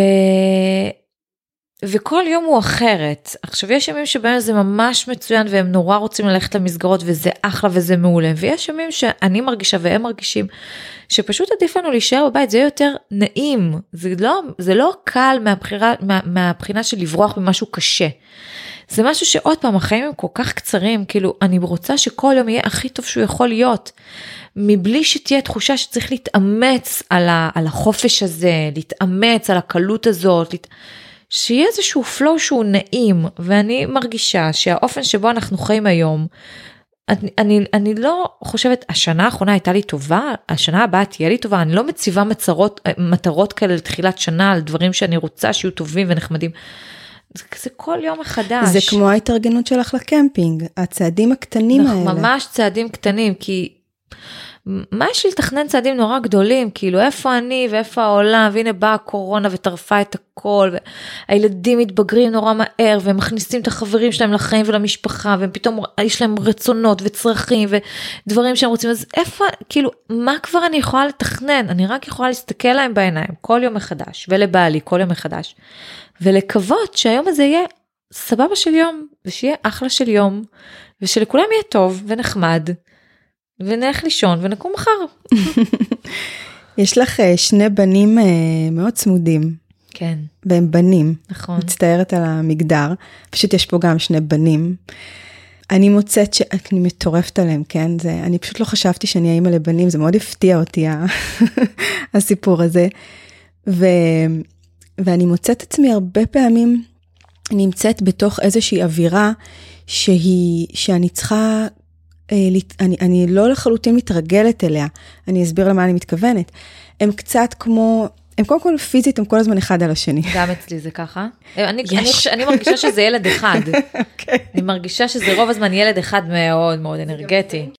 אבל יש מין תחושה של ווליום מאוד גבוה, גם באנרגיות. נו, ברור. כן, גם אצלך. בוודאי, איזה שם. יש, אני ממש נרגעת. הם מפרקים לי את הבית, אם אני, הם שוברים לי את הקירות של הבית. זאת הסיבה שיותר קל לי איתם בחוץ מאשר בתוך הבית, כי בחוץ, ברמה הפיזית, הקולות מתפזרים אחרת. הפיזיות היא היא אותה פיזיות אבל היא פחות מורגשת כי אין רהיטים ואין קירות ואין אין, אין את ההד שנשאר בתוך הבית אז בחוץ יותר קל לי איתם נקודה. כן. אני לא עושה לעצמי חיים קלים כן הם, הם ילדים אין להם סמארטפונים אין להם טאבלטים כאילו הם באמת איתי כל הזמן והם באמת שובבים אין לי את הכלי הזה של איך שבאוטו תשים לעצמך סרטון בטאבלט זה לא קיים אז זאת אפילו לא אופציה שלפעמים כאילו אני יודעת שאצל אחרים היא קיימת. Mm-hmm. אבל הם מאוד מקשיבים לי וגם יש לי פתרונות זאת אומרת את הקניות שלי אז אני לא עושה בסופר נורא גדול אני עושה בסופר קטן שכבר מכירים אותנו. ואת הקניות של הירקות אני מעדיפה לעשות אצל חקלאים מקומיים בשדות חקלאים אז כאילו אני עושה את הקניות והם רצים לשדה למעלה לקטוף איזה תות או איזה מלפפון. אם אני יודעת שהם כולם באים איתי לאנשהו ואנחנו נגיד נלך לאכול באיזושהי מסעדה, אז זאת תמיד תהיה מסעדה שאפשר לשבת בחוץ, עדיפות למסעדה שיש לידה גן שעשועים, עדיפות למסעדה שאם יש גן שעשועים אז הוא במרחק מקסימום מרחק ראייה ממני. אה, כן, אני יודעת כן. להתנהל בעולם עם הילדים שלי בצורה שהיא, שאני יכולה להכיל אותה. אה, אבל איפה שלא fun, אני פשוט לא שם. אני לא כן, שם. כן, זה בדיוק מחזיר אותנו לתחילת השיחה, שבמקומות ש... שאנחנו רגועות וטוב לנו, הדברים יהיו בסדר, ולא כן. משנה כל כך מה... כן, אבל... נגיד להיכנס איתם למסעדה סגורה ולשבת כאילו באמצע המסעדה בשולחן, לא יקרה, אני לא פשוט לא, לא יקרה זה. נקודה, לא זה יקרה. לא יקרה, זה, זה לא יקרה, גם אם מישהו יהיה ממש ממש ממש ממש רעב ומישהו ממש ממש יצרח, אני אעדיף לעצור ב-Yellow, לקנות כאילו את האוכל הכי מטונף שיש, רק בשביל שלא יהיו רעבים ולהתקדם הלאה עד שנגיע למקום טוב יותר. אני חושבת שכבר מהחשיפה ועל האופן שבו אתם מטיילים, זה עושה תחושה טובה יותר שזה אפשרי.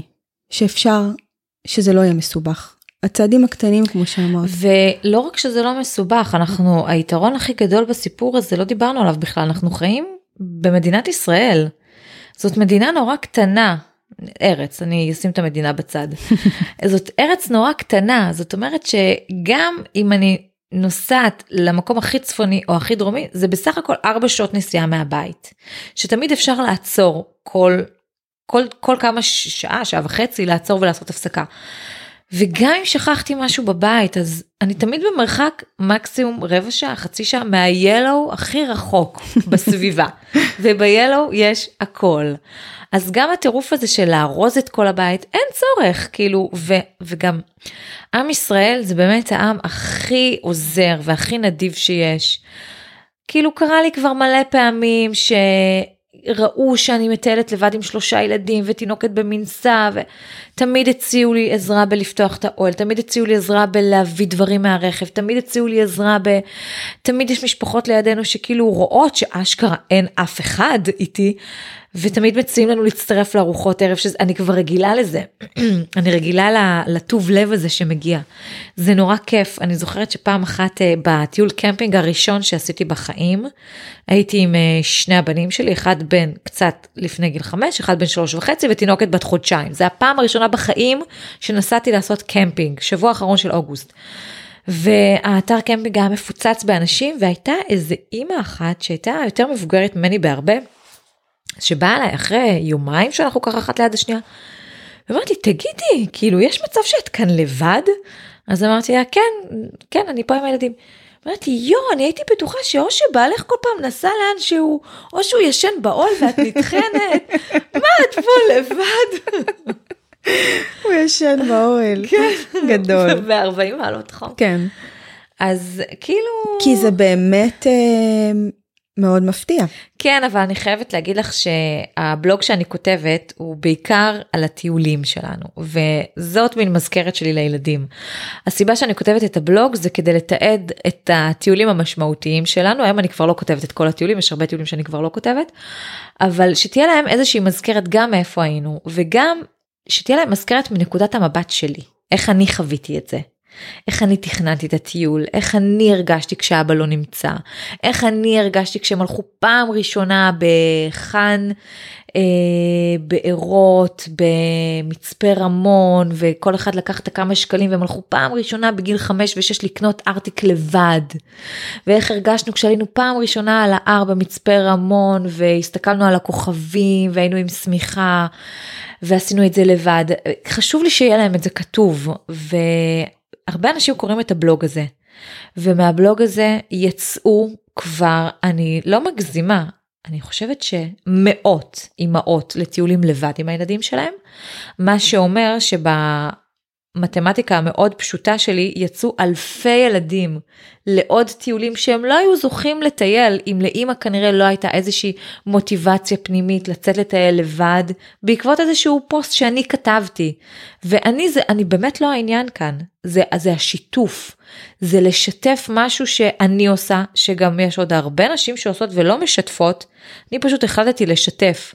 וזה נותן המון כוח גם לאימהות וגם לאבות אחרים שיוצאים לבד עם הילדים שלהם.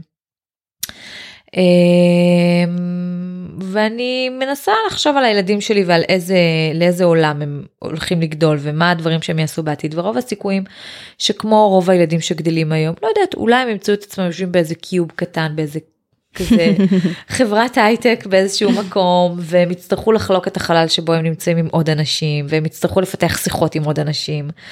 ואז הם יספרו שאמא שלהם הייתה מטיילת ושהם היו מטיילים הרבה ואז אולי הילד שנמצא לידם הוא בן של איזה מישהי שקרא את הבלוג שלי שבזכות זה שהיא קראה הוא גם יצא לטיולים ואז פתאום טאק יהיה להם על מה לדבר ביחד.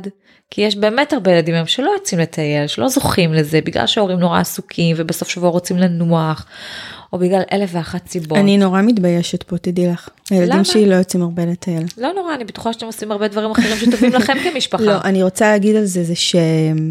אני, לא, זה תמיד יושב עליי, שאנחנו לא יוצאים מספיק לטייל, אני פשוט מנסה לקחת אחריות על זה שאני לא מתה על זה. אה, וגם, אני חייבת להגיד בכנות שאני מרגישה פחות בטוח ממש הישרדותי, כן. פחות בטוח שאני מחוץ לבית. בטח אוקיי. עם ילדים. אז אני יכולה להבין אותך, אני יכולה להבין אותך, אני יכולה לספר לך מהנקודת מבט שלי שכל הילדים שלי נעקצו בטיולים, כל אחד פתח את הראש בטיול. זה לא אה, שהם לא פותחים את הראש בבית, כן, אבל בדיוק. משהו בחוץ. אז הד- הדברים קורים, אז זה, זה מה שאני אומרת, תמיד אומרים לי זה לא קשה לך, אז אני אומרת זה קשה לי, אבל קשה לי גם בבית. איך את עושה כביסה? אז אני עושה כביסה, אבל אני עושה כביסה גם בבית, כאילו הכל אותו דבר מבחינתי, פשוט באמת אין את הבית, יש כאילו משהו כזה יותר חופשי ומשוחרר. אני חושבת שכל משפחה עושה מה שטוב לה, ואם, ואם לנו עושה טוב לצאת ולטייל, אז אנחנו שם. עכשיו, אם יש מישהי ששומעת או מישהו ששומע אותנו וממש רוצה לטייל קצת יותר עם הילדים שלו, אז אני, העצה... אני, אני, אני, את אני במקרה? רוצה, אה, אני אוקיי, רוצה אוקיי. יותר, אני רוצה, אז בחיי. את, אוקיי, אז מה שאני מציעה לך לעשות ומה שאני ממליצה לך לעשות זה להתחיל נורא בקטן. זה לצאת ללילה אחד במלון הכי מפנק שאת יכולה לעלות על הדעת. עשיתי, תקשיבי, אוקיי. עשיתי. ומשם להתקדם לשני לילות בצימר, שהוא כבר לא בית מלון, שהוא כבר צימר. שנייה, אבישג, בואי אני אספר לך. כי אולי את, את תצליחי לעזור לי לפתור את הדבר הזה. אוקיי. אני מאוד רציתי לנסוע עם הילדים לחרמון, כן. בסדר? בעלי, מסיבותיו, הוא לא בעניין, לא היה בעניין של לנסוע לחרמון, מבחינתו זה סיוט, כל עם ישראל ודברים מאוד משכנעים. אני אמרתי שהילדים שצריכים לראות שלג, זה היה לפני, שי היה בן שלוש, לפני שלוש שנים. אה, יצאתי עם שלושה ילדים לחרמון, פלוס לילה לפני במלון מטיילים, כדי שנספיק להגיע מוקדם. סוף שבוע? זה היה, לא, לא, יום ראשון. אוקיי. שב, עשינו לילה של שבת, ראשון. זה היה כזה סיוט, שמבחינתי לקח לי שנה להתאושש נראה לי מהטראומה. אני הרגשתי, מה היה קשה שם? אחד העומס של האנשים. כן, דבר שני, עניין. תראי, כשהולכים לחרמון צריך לד- לדעת שלא משנה מתי תלכי, כשהאתר פתוח יהיה עומס נקודה. אבל את מבינה, אני לקחתי יוזמה, לקחתי את הילדים, את יודעת, מבחינתי... את ועוד עשרת אלפים אנשים באותו נכון, יום. נכון, אז לא יד... אז אני לא סומכת על עצמי שאני אדע לעשות את הבחירות הנכונות. עשיתי טעות, לא, שעלתה לא, לי, תראי, זה, את לא, לא, לא. היא עלתה לי ב... באמת, תראי, אבל זה מה שהארץ שלנו מאפשרת. יש לנו מקום אחד לראות בו שלג, לפרק זמן נורא קצר, וכולם רוצים לראות אותו. אה, אז את לא עשית טעות, את פשוט נכנסת ל- למשהו שאם את רוצה לראות נורא. שלג, זה רק, זאת האופציה היחידה. זה פשוט היה נורא, באמת. אני הרגשתי שאם אם אנחנו חוזרים הביתה בשלום כולנו, שלמים כולם, אז כל השאר כן, בונוס. בטח מלא אוטובוסים ומלא... גם אוטובוסים וגם כל הציוד היה עליי, והם היו נורא, את יודעת, הם... ומלא אנשים, והם הולכים לאיבוד ולא רואים אותם, וקר לא, ורטוב. תקשיבי, וגם ככה אני חרדתית, גם בגן שעשועים שהם נעלמים לי מהעין ליותר מדקה, אני חייבת לראות שאני רואה אותם. אה, היה מאוד קשה, אז אני אומרת לך, כבר עשיתי משהו כזה. אה, והיה גם פעם שרציתי לנסוע איתם לאילת. פשוט לקחתי את אימא שלי ונסענו לכמה ימים לאילת. זה היה טוב, אבל את מופלא. הולכת על דברים נורא גדולים, גם גדול? וגם לחרמון, בוודאי. אוקיי, אז. איזה, איך מתחילים בקטן? מה, יער אילנות כזה, שבת, פיקניק, או... כן, אחר הצהריים, לא שבת אפילו. ואת זה אנחנו עושים כל הזמן. אז אתם בטבע, אז אתם אני כל מטיילים. הזמן איתם לבד, ב-. ב- באמצע השבוע, ב- בחוץ, בפארקים, בפיקניקים וכאלה. אוקיי, אז אתם מטיילים? למה את לא, אומרת שאתם לא מטיילים? יותר, אני לא מרגישה כזה, שכאילו אנחנו אורזים את האוטו ויוצאים, ו... זה כאילו מרגיש לי לא מספיק. טוב, אז קודם כל זה נשמע שאת, אה, כשאת אה, יוצאת לטיול, זה נשמע שיש לך אה, מטרות מאוד גדולות. כנראה. את רוצה ליהנות, זאת מטרה נורא גדולה. נכון, את וכנראה ליהנות. מופרכת. כן, אז בואי תשימי אותה בצד, אוקיי? אוקיי. אנחנו לא מדברים על הנאה כרגע, אוקיי. אנחנו מדברים על לצאת לטייל, אנחנו יוצאים בשביל להכיר את הארץ, זאת המטרה, להכיר את הארץ. לצבור חוויות. גם לא, לא, לא? זה גם מטרה לא? גדולה, מטרה אוי, גדולה. אנחנו נוסעים כדי להכיר את הארץ, כדי לראות פרחים, פרקטי, פרקטי, לראות פרחים, לראות עצים, לשמוע ציפורים, דברים קטנים, שכשאת מרגישה שעשית אותם זה כזה, הנה זה וי וזה משהו טוב כי עשיתי, תכננתי ועשיתי, עוד וי קטן, תכננתי ועשיתי, עוד משהו, תכננתי ועשיתי. לצבור חוויות, איזה סוג של חוויות, זה נשמע נורא גדול, מה זה חוויה, לנסוע ללונה פארק ולהיות על כדור פורח, כאילו מה כן. זה חוויה, אז זה נורא גדול, אנחנו, בואו נוריד את זה. נגיד כשאני נוסעתי עם הילדים שלי לאזור פארק הירקון, אז מבחינתי זה להגיע לפארק הירקון, לפתוח מחצית, לשבת לאכול פיקניק. אולי נצליח לראות ברווזים, אולי נצליח לעלות על הסירה ולעשות את השייט, ויש מצב שגם נהנה, אבל זה בסוף. הבנתי, הבנתי אותך. איכשהו זה בסדר, זה קורה, זה כאילו, טוב, את כאילו, מבלי שאת מר... פתאום את מגלה ש... שסבבה לך. וכשאת מבינה שסבבה לך, אז אולי זאת הנאה? כן, זאת הנאה, זה קטן. זה קטן, זה כן. קטן. אה, איפה מתחילים? אז מתחילים בקודם כל לסגור נגיד יומיים, שלושה. הסיבה שאני אומרת לך יומיים שלושה זה כדי לאפשר זמן, כאילו לאפשר זמן. ברור, תמיד זה חצי יום הסתגלות. בדיוק, ברור. זה לאפשר זמן שגם כשדברים לא קורים כמו שצריך, אז יש זמן להירגע מהם ויש זמן למשהו חדש שיקרה. וזה לא, אוקיי, הלך לנו כל הטיול, כי זה גם טיול קצר וגם לא נהנינו וגם לא כיף ועכשיו נחזור הביתה. אז כאילו לת, לתת פריים זמן של יומיים תהליך. שלושה, כן, כן, שיהיה כאילו רגעים שאפשר להצטנן, שיהיה רגעים שאפשר לנוח, שיהיה רגעים שאפשר להפריד את הילדים. אה, ולנסוע לאנשהו ואני בטיולים שלי אני רק סוגרת מקומות לינה. And that's it. ומה אנחנו נעשה בכל בוקר מחדש אין לי מושג. אנחנו קמים בבוקר ואנחנו בודקים ואנחנו שואלים מה יש באזור, מה יש ומה אתם באזור, רוצים, מה מה, מתחשק. כ- מה בא לכם, מה כדאי לכם, מה זורם לכם. ובדרך כלל זה מסתכם במשהו אחד, או טיול לאיזה נחל וחוזרים למקום לינה, או הולכים, נגיד אם אנחנו בצפון באזור מטולה, נכנסים למרכז קנדה, שזה הפארק כזה שיש את האחלה קרח וכל מיני דברים, וזה כזה, זה קטן. כן, כשאת אומרת את זה ככה, זה באמת גם נשמע אה, אפשרי. כן, כן, כן, כן. אה, בעלי, אחת, אחד מהדברים שהוא הכי לא מחבב שאני עושה, זה שאני שואלת אותו, נהנית? היה לך כיף? כיף לך? תראה איזה אבל כיף. אמרת שזה לא נכון, מטרה. נכון, נכון, זאת לא מה המטרה. מעצבנת אותו? נכון, זה, זה, כן, אבל כשאני מזהה שלי כיף, אז אני, אז אני, כיף לך, גם לך כיף, אתה נהנה, וכאילו, ואני קולטת שזה הורס לו את ההנאה. כן. זה, זה, על לחשוב על זה, על, על כאילו להכיל, להרגיש את זה באותו רגע וכאילו להיתפס על זה. אפשר גם ליהנות בדיעבד. ליהנות בדיעבד מזה שהיה סבבה, מזה שאף אחד לא נפצע, מזה שהיה ממש. כיף חלק מהזמן, מזה שקמנו ומישהו חייך. שזה נורא, זה הדברים הקטנים, זה נורא קטן, אני כאילו כל הזמן מרגישה ש... וזה נכון לי, לצמצם, לצמצם, להקטין, להקטין, להקטין, להקטין, להקטין, להגיע למשבצת נורא נורא נורא קטנה, ואז פתאום לגלות, וואו, עשיתי חמישה שבועות קמפינג עם הילדים שלי. וואו. אז זה ממש עזר לי ה- זה שאת מפרקת את זה. את מפרקת את זה ומפשטת את זה ומנגישה את זה. ונראה לי שזה חלק מהקסם של גם, גם איך שאת כותבת וגם איך שאת אה, עושה את הסרטונים, איך שאת מציגה אותם בערוץ. תודה. את מפרקת, אמרתי לך כבר, אני חושבת שלפני שפתחנו את, המיקרופון, אמרתי לך שראיתי איזה סרטון שלך, ולמחרת בבוקר, בלי שחשבתי על זה, פתאום קלטתי שאני פותחת את החלון בחדר שינה ומנערת את המצעים. וקלטתי שזה משהו ש... שהתייחסת אליו ב... באחד הסרטונים שעשית. כן, לי זה עושה נורא טוב הדברים האלה. כאילו אם אני לא פותחת את החלון בבוקר ואני לא מנערת את השמיכה ולא כאילו מסדרת לעצמי את המיטה, זה יום שהתחיל לא טוב. אז זה מדהים, זה חלק ממה שעשית עכשיו מולי עם הטיול, שאת מפרקת, ואת כן. אומרת, זה, זה פשוט וזה פשוט וביחד, ובעיקר על האין ציפיות, כן, כן. שזה נהדר. Uh, טוב, אז, אז אולי, אולי לסיום, uh, הייתי רוצה שאם זה בסדר מבחינתך, להתייחס ל- לאימהות שלך עכשיו, הטריה החדשה. אה, אני, נחמץ לי הלב שהילדים הבוגרים שלי לא, לא הייתה להם אימא כל כך פנויה כמו שאני פנויה היום. זה קסם, אני, אני פשוט, אני, אני, אני במקומות הגבוהים. יש לי תינוקת קטנה, היא בת ארבעה חודשים, אני לא ישנתי יותר משלוש שעות רצופות כבר ארבעה חודשים.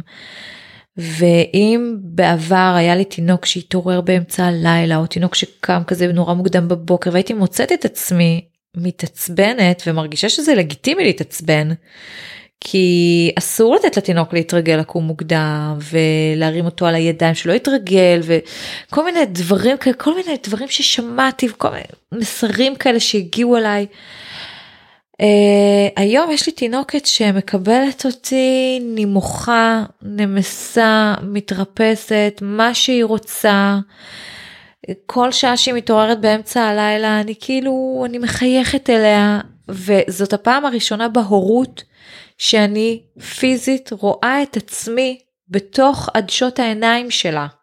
אני רואה את הבעבועה שלי, אני ממש רואה אותי בתוך העיניים שלה.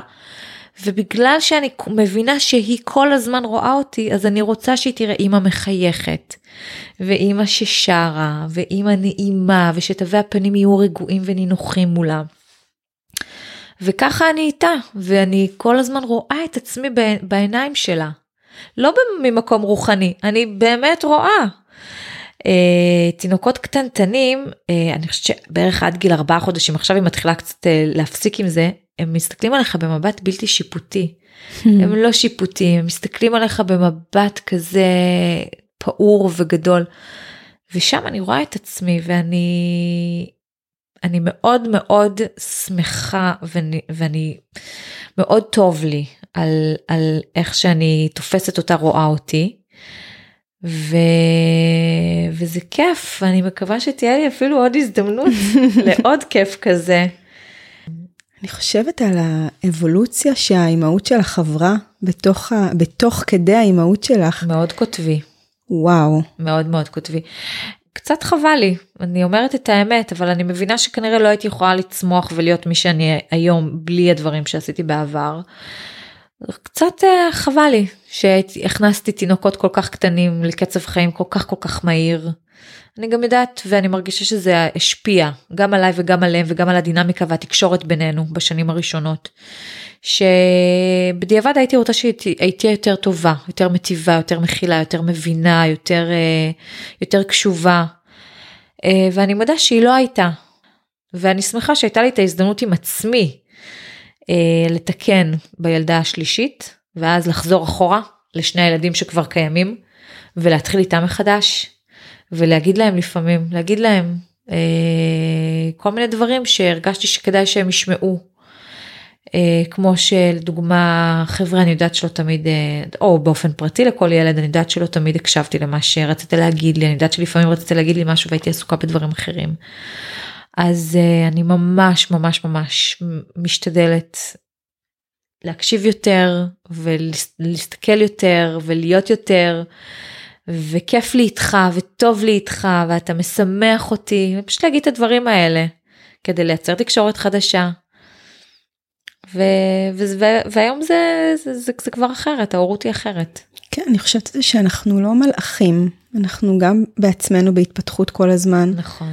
ואחת המתנות הענקיות שהמערכת היחסים הזאת של בין הורה או אימא, אני מתייחסת לאימהות, לילד, היא שתמיד אנחנו יכולות לתקן. אני מאוד מסכימה עם תמיד זה. תמיד אפשר לחזור אחורה ולדבר ולהגיד, ובסוף מה שנצרב זה זה התהליך, וזה לא נכון, בהכרח אני מאוד, אני אפילו חושבת שזה חובה לדבר ולייצר תקשורת חדשה כל הזמן. אה, אני כשאני הרגשתי שהתקשורת שלי עם הבן הגדול שלי היא תקשורת שהיא לא כל כך טובה ואני מרגישה שהוא לא קולט אותי ואני לא קולטת אותו הדבר שעשיתי זה הוצאתי אותו משלושה ימים בגן הוא היה בן חמש, הייתה לי תינוקת אז בת אה, שנה, הוא היה בן חמש וחצי, תינוקת בת אה, שנה ו- וקצת, עוד ילד בן ארבע, ופשוט ירדתי לגובה העיניים שלו ואמרתי לו, תום, מחר אני ואתה עולים על מטוס ואנחנו נוסעים ביחד לאילת, רק אני ואתה. זה מה שעשיתי כשהרגשתי שאני הולכת לאיבוד איתו והוא הולך לאיבוד איתי ופחדתי שהתקשורת האבודה הזאת תצרב ותישמר כי ידעתי שאם אני לא אעשה משהו והתפקיד שלי הוא לעשות אז הוא יכול להגיע לגיל 18 ככה ואני אגיע עם ילד בן 18 ככה וכל אחד כאילו יתפצל לדרך שלו. וזהו כאילו התקשורת כשהיא לא טובה זה נורא קל שהיא תתקבע אבל לפעמים צריך לעשות משהו דרסטי כדי לשנות את זה. ואז אני והוא נסענו לאילת והיינו ביחד והייתה לנו חוויה מדהימה והוא קנה לי שם טבעת, היינו באיזשהו מקום והוא בחר לי טבעת שעד היום היא עליי. וואו. ואני אמרתי לו שאני לא אוריד את הטבעת הזאת בחיים מהאצבע שלי. ו... והיא עליי כל הזמן וכל כמה חודשים הוא בא והוא מסתכל אומר אמא זאת הבת שקניתי לך ואני אומרת לו נכון ואני בחיים לא אוריד אותה ממני. כל הזמן מזכירה כמה כיף היה לנו ביחד. וואי זה נורא אה, מרגש. אז זה שגם לקחת אחריות ואמרת אני צריכה לעשות פה אני, מעשה. זה רק אנחנו כי אי אפשר לצפות מילד נכון. בן חמש שישתנה אני גם חושבת שיש לנו אחריות לדבר עם הילדים ולהגיד להם. אמ, כשאני עושה דברים שהם היום זה באמת כבר פחות קורה אבל אה, אני מרגישה שעשיתי דברים שהם הם, שהם לא בסדר עם הילדים שלי שהם לא בסדר שלא נתתי להם את התשומת לב הראויה שלא התייחסתי לדברים שחשובים להם. שלפעמים דחיתי אותם לא באמירה בשפת גוף זאת אומרת הילד רצה לדבר איתי ואני הפניתי את הגב והלכתי רגע למקום אחר כי הייתי עסוקה בשיחת טלפון שהייתה אז נראית לי נורא חשובה היום זה נראה לי סדרי עדיפויות שהיו קצת אה, לא לא כפי שרציתי או דברים שיכולתי לדחות לשעה מאוחרת לא בזמן שהילד כאילו כל כך צריך אותי. היה לי נורא חשוב להגיד, להגיד לו, כי ידעתי שאם אני לא אגיד ואני אודה בטעות שעשיתי מול הילד, הוא מבחינתו בתחושה שלו, אני תמיד אוכל לעשות את זה שוב. זה תמיד יכול לקרות שוב, ואם זה תמיד יכול לקרות שוב, אז בשביל מה שאני אפנה לאימא? היא עוד פעם, כאילו תפנה לי את הגב, היא עוד פעם. אז היו דברים שכן היה לי חשוב להגיד, שאני מבטיחה לך שאני ממש אשתדל לא לעשות את הדבר הספציפי הזה יותר. אמ, אני חושבת שזה מאוד מאוד מרפא. אפילו בדיעבד אפילו של שנים. להגיד לילד. ברור, בוודאי, יש המון הורים אה, לילדים בוגרים שכשפותחים את השיח, ואז לבוא ולהודות ולהגיד את הדברים שהיום בדיעבד אתה יכול להגיד שבאמת היית לא בסדר כהורה. אה, אנחנו גם יודעים איפה אנחנו לא בסדר כהורים, כבני זוג, איפה אנחנו לא בסדר כלפי עצמנו. אז uh, אני מבינה שלהרבה אנשים זה מאוד קשה להודות בזה. אבל כמו שאמרת זה נורא משחרר וגם כשאתה מודה בזה ואתה יושב מול ילד בן חמש או בן שש ואתה אומר לו אני ממש אעשה השתדלות שזה לא יקרה שוב. זה סוג של מחויבות גם שאמרת אותה אז uh, אתה בתור בן אדם בוגר רוב הסיכויים שאם אמרת אותה אתה גם תעמוד בה. אתה רוצה לעמוד בה אתה הכרזת את זה. אמ, כן, אז היום אני יותר שלמה עם האימא שאני, יש הלימה יותר, אה, יותר,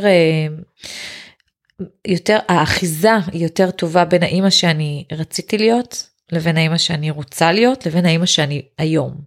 כן, לפעמים יש המון המון אה, תסכולים וכעסים ועניינים שמצטברים בפערים האלה בין האידיאל האימהי שאני מחזיקה מה אני רוצה להיות, לבין היכולות, מה אני יכולה להיות, לבין מה שאני בסוף, בפועל. ואם אין הלימה, או אין שיח, או אין, לא מצמצ... הפערים לא מצטמצמים. זה נורא מתסכל. נורא נורא מתסכל. נורא מתסכל, אבל גם אצלי היום זה לא עובר חלק כל יום. יש לי תינוקת קטנה בבית, ויש לי ילדה בת ארבע וחצי שאומרת לי, אמא, את לא נותנת לי תשומת לב. היא אומרת לי את זה במילים של ילדה. אבל אני, אני, אני כאילו אומרת לי את זה והלב שלי נפתח ואני אומרת וואו כאילו כנראה שעשיתי משהו טוב. שהיא אומרת. שהיא אומרת, שהיא מצליחה להגיד את זה.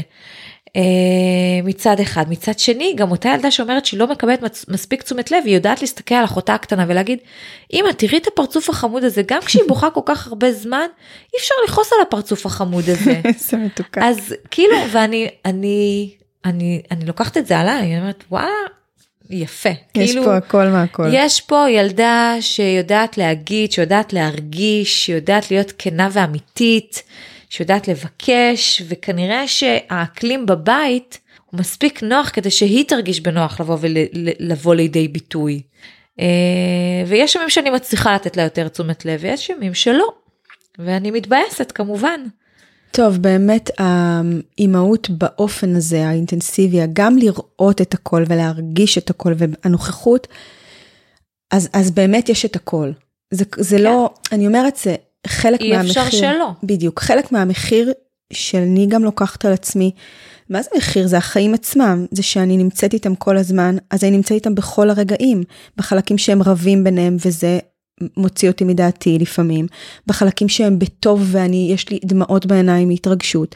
זה חלק מהנוכחות, זה בדיוק מה שאת אומרת, את נוכחת בכל הרגעים, ויש את הכל. כן, יש את הכל. אוקיי, רציתי לשאול אותך על מטלות הבית, אבל נראה לי שמבאס לסיים עם מטלות הבית, לא? אה, אני עושה בחיים רק דברים שאני בסקלת האוהבת, עד לא סובלת. אז אני עושה את כל מטלות הבית, אין מישהו אחר שעוזר לי בזה, זאת אומרת הילדים מאוד עוזרים לי בזה והבן זוג שלי כמובן אנחנו כאילו מנהלים את הבית ביחד. אבל אין outsourcing למטלות הבית ואני לא סובלת מזה אז זה בסדר. אוקיי okay, כל עוד את לא סובלת ואין רגעים שאת אומרת זה עובר פה איזשהו גבול כי אני לא... כשיש רגעים כאלה שזה עובר גבול אז זה לא המטלות זה כמות החפצים שיש בבית כי כמות המטלות בבית זה נגזרת של כמות החפצים בבית ככל שיהיו לי יותר ספרים אני אצטרך יותר לאבק. ככל שיהיו לי יותר בגדים אני אצטרך יותר אה, לעשות כביסות לקפל לשים במקום. ככל שיהיו לי יותר מצעים אני אצטרך יותר לקפל למצוא להם מקום. ככל שיהיו יותר כוסות אני צריך יותר לשטוף צלחות כל הדברים האלה. אז ברגע שאני מרגישה שזה overwhelming ויש כאילו מלא דברים בבית הדבר הראשון שאני עושה זה עושה סטופ, סינון. סטופ, סטופ, סטופ, סטופ, שמה שלט כאילו אין כניסה לבעלי על הדלת שעד להודעה חדשה גפרור לא נכנס הביתה, לא כדור קטן לילד, לא אה, משרוקית קטנה לילדה ולא עיפרון קטן, ל... כלום לא נכנס, נקודה. אה, ואז מתחילים כאילו ארגון מחדש, מה יוצא, מה נכנס, מה נשאר, ממיינים, מוציאים. ואז יש פחות חפצים בבית, יש פחות מטלות של. הבית, יש יותר אוורור, יש יותר כאילו פנאי, וזאת השיטה שלי, פשוט להוציא את הבית, להוציא חפצים מהבית. אז כל הארגון של אחרי יותר קל, נכון?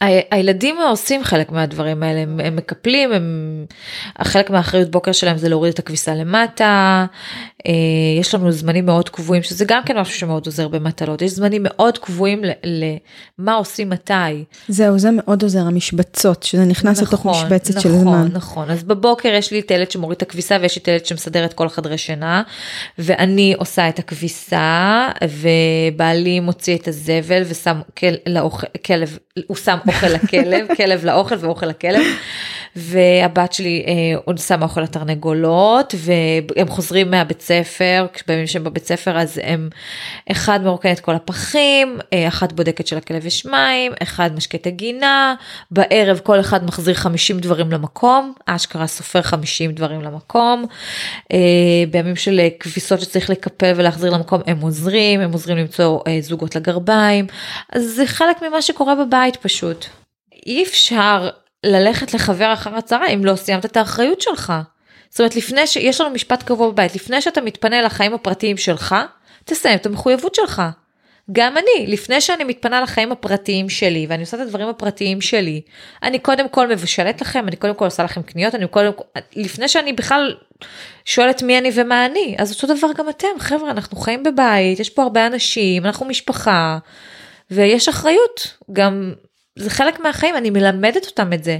יום אחד הם יקומו, לפני שהם ילכו לעבודה שלהם, יש הרבה דברים שהם צריכים לעשות, שאף אחד לא ישלם להם עליו, עליהם כסף, שהם צריכים לעשות, וזה במסגרת אחריות החיים שלהם. זה מאוד מאוד אה, עושה שכל, מה שאת אומרת, ונשמע לי גם הופך את כל השהות המשותפת ליותר הגיונית ופחות סיזיפית. אבל שוב, זה עניין של, של אורח חיים. זה כן, לא... אין כאן גם עניין, אני, אני מוצאת את עצמי מבקשת מהם פחות ופחות, כי אני יודעת שיש נקודות בזמן שבהם אני אוכל להעלות את זה. זאת אומרת שכשהבן הגדול שלי אומר לי אם אני רוצה ללכת לחבר, אז אני אומרת לו, רגע, עשית אחריות צהריים? הוא אומר לי, אה, שכחתי, אוקיי, בבקשה. אחרי זה נדבר על החבר. אה, או שהבן הגדול שלי, או שאחד מהילדים שלי אומר נגיד, אה, אמא בואי נקרא, בוא, בוא, יש, אני קוראת להם אה, ספר, יש ספרים בהמשכים שאנחנו מקריאים, אז נגיד עכשיו אנחנו מקריאים את בילבי, אז הם נגיד, הם אומרים לי אמא בואו בואי נקרא עוד פרק בבילבי, אז אני אומרת להם רגע רגע רגע, אחריות ערב כולם עשו? עשיתם את האחריות שלכם? אה לא עשינו, טוב אז תעשו ואז אנחנו נפנה לדברים הפרטיים שלנו, כי להקריא ספר זה בזמן הפרטי שלנו, אבל את המחויבות עוד לא עשיתם, אז בואו תעשו ואז נדבר על זה. אז אה, זה כזה, זה כזה. זה כזה, זה כזה, זה כזה מדהים שזה גם נשמע, שוב, נגיש. אני חייבת להגיד לך זה. עוד משהו, שאני גם אומרת את זה להרבה אמהות שמדברות איתי על זה. הדרך שלי לרתום את הילדים בגיל צעיר, לעזור לי בעבודות הבית, עוד לפני שהם הבינו את הלוגיקה שהולכים לחבר רק אחרי שכך וכך, זה פשוט היה להסביר להם, להגיד להם, תקשיבו, עוד פעם, אני חוזרת למילה חבר'ה, תקשיבו חבר'ה, אה, אנחנו הרבה אנשים שחיים כאן בבית, ואני הכי רוצה לקחת אתכם לטיולים, ואני נורא רוצה ללכת איתכם לגן שעשועים כל יום, ואני נורא נורא נורא רוצה לעשות לכם את האוכל הכי טעים, ואני נורא רוצה לשחק איתכם ולצייר איתכם, אבל אם אני צריך לסדר את כל הבית לבד, ולנקות לבד, ולעשות את הכל לבד, לא יישאר לי זמן להיות איתכם. אז אם אתם רוצים שאני אהיה איתכם, אתם חייבים לעזור לי, ואני זוכרת שכשהם היו קטנים אמרתי להם, אין לי בעיה לעשות את הכל בעצמי. אני אעשה את הכל בעצמי אם זה קשה לכם ואתם לא אוהבים. אבל בבקשה, תדעו שבאמת אין לי זמן אליכם, אז אל תבקשו ממני לצייר איתכם ציור, כי, כי אני אצטרך להגיד לכם לא. כי אני חייבת לסדר את הבית. אז אם אתם רוצים שיהיה לי זמן להיות איתכם ושיהיה לנו זמן ביחד, אתם חייבים לעזור לי ולפנות אותי ושיהיה לי זמן אליכם. אז אה, זה משהו ששקע אצלהם. מגיל צעיר, זה משהו שהם ידעו. הוא גם מאוד מאוד מחובר ואותנטי, זה לא איזושהי התניה, זה לא... זה זה נכון. משהו שאת בעצם מסבירה להם איך החיים עובדים, איך לך זה עובד, איך, איך דברים יכולים לקרות. נכון. אז אה, זה עושה, זה מאוד, שוב, זה מאוד מרגיע. כן. גם כשהבית נקי ומסודר, אני תמיד, אני, אני, אני ממש מתעקשת שהם ישימו לזה לב, אני אומרת להם, תראו, תראו כמה שהבית נקי ומסודר, נכון שזה נעים? אז אומרים לי, כן, אמא, זה הרבה יותר כיף ככה. חד משמעית שלא מסודר, אז אני מקבלים אמא פחות רגועה. ג- גם לגמרי, כן. גם אצלי זה ככה, לחלוטין.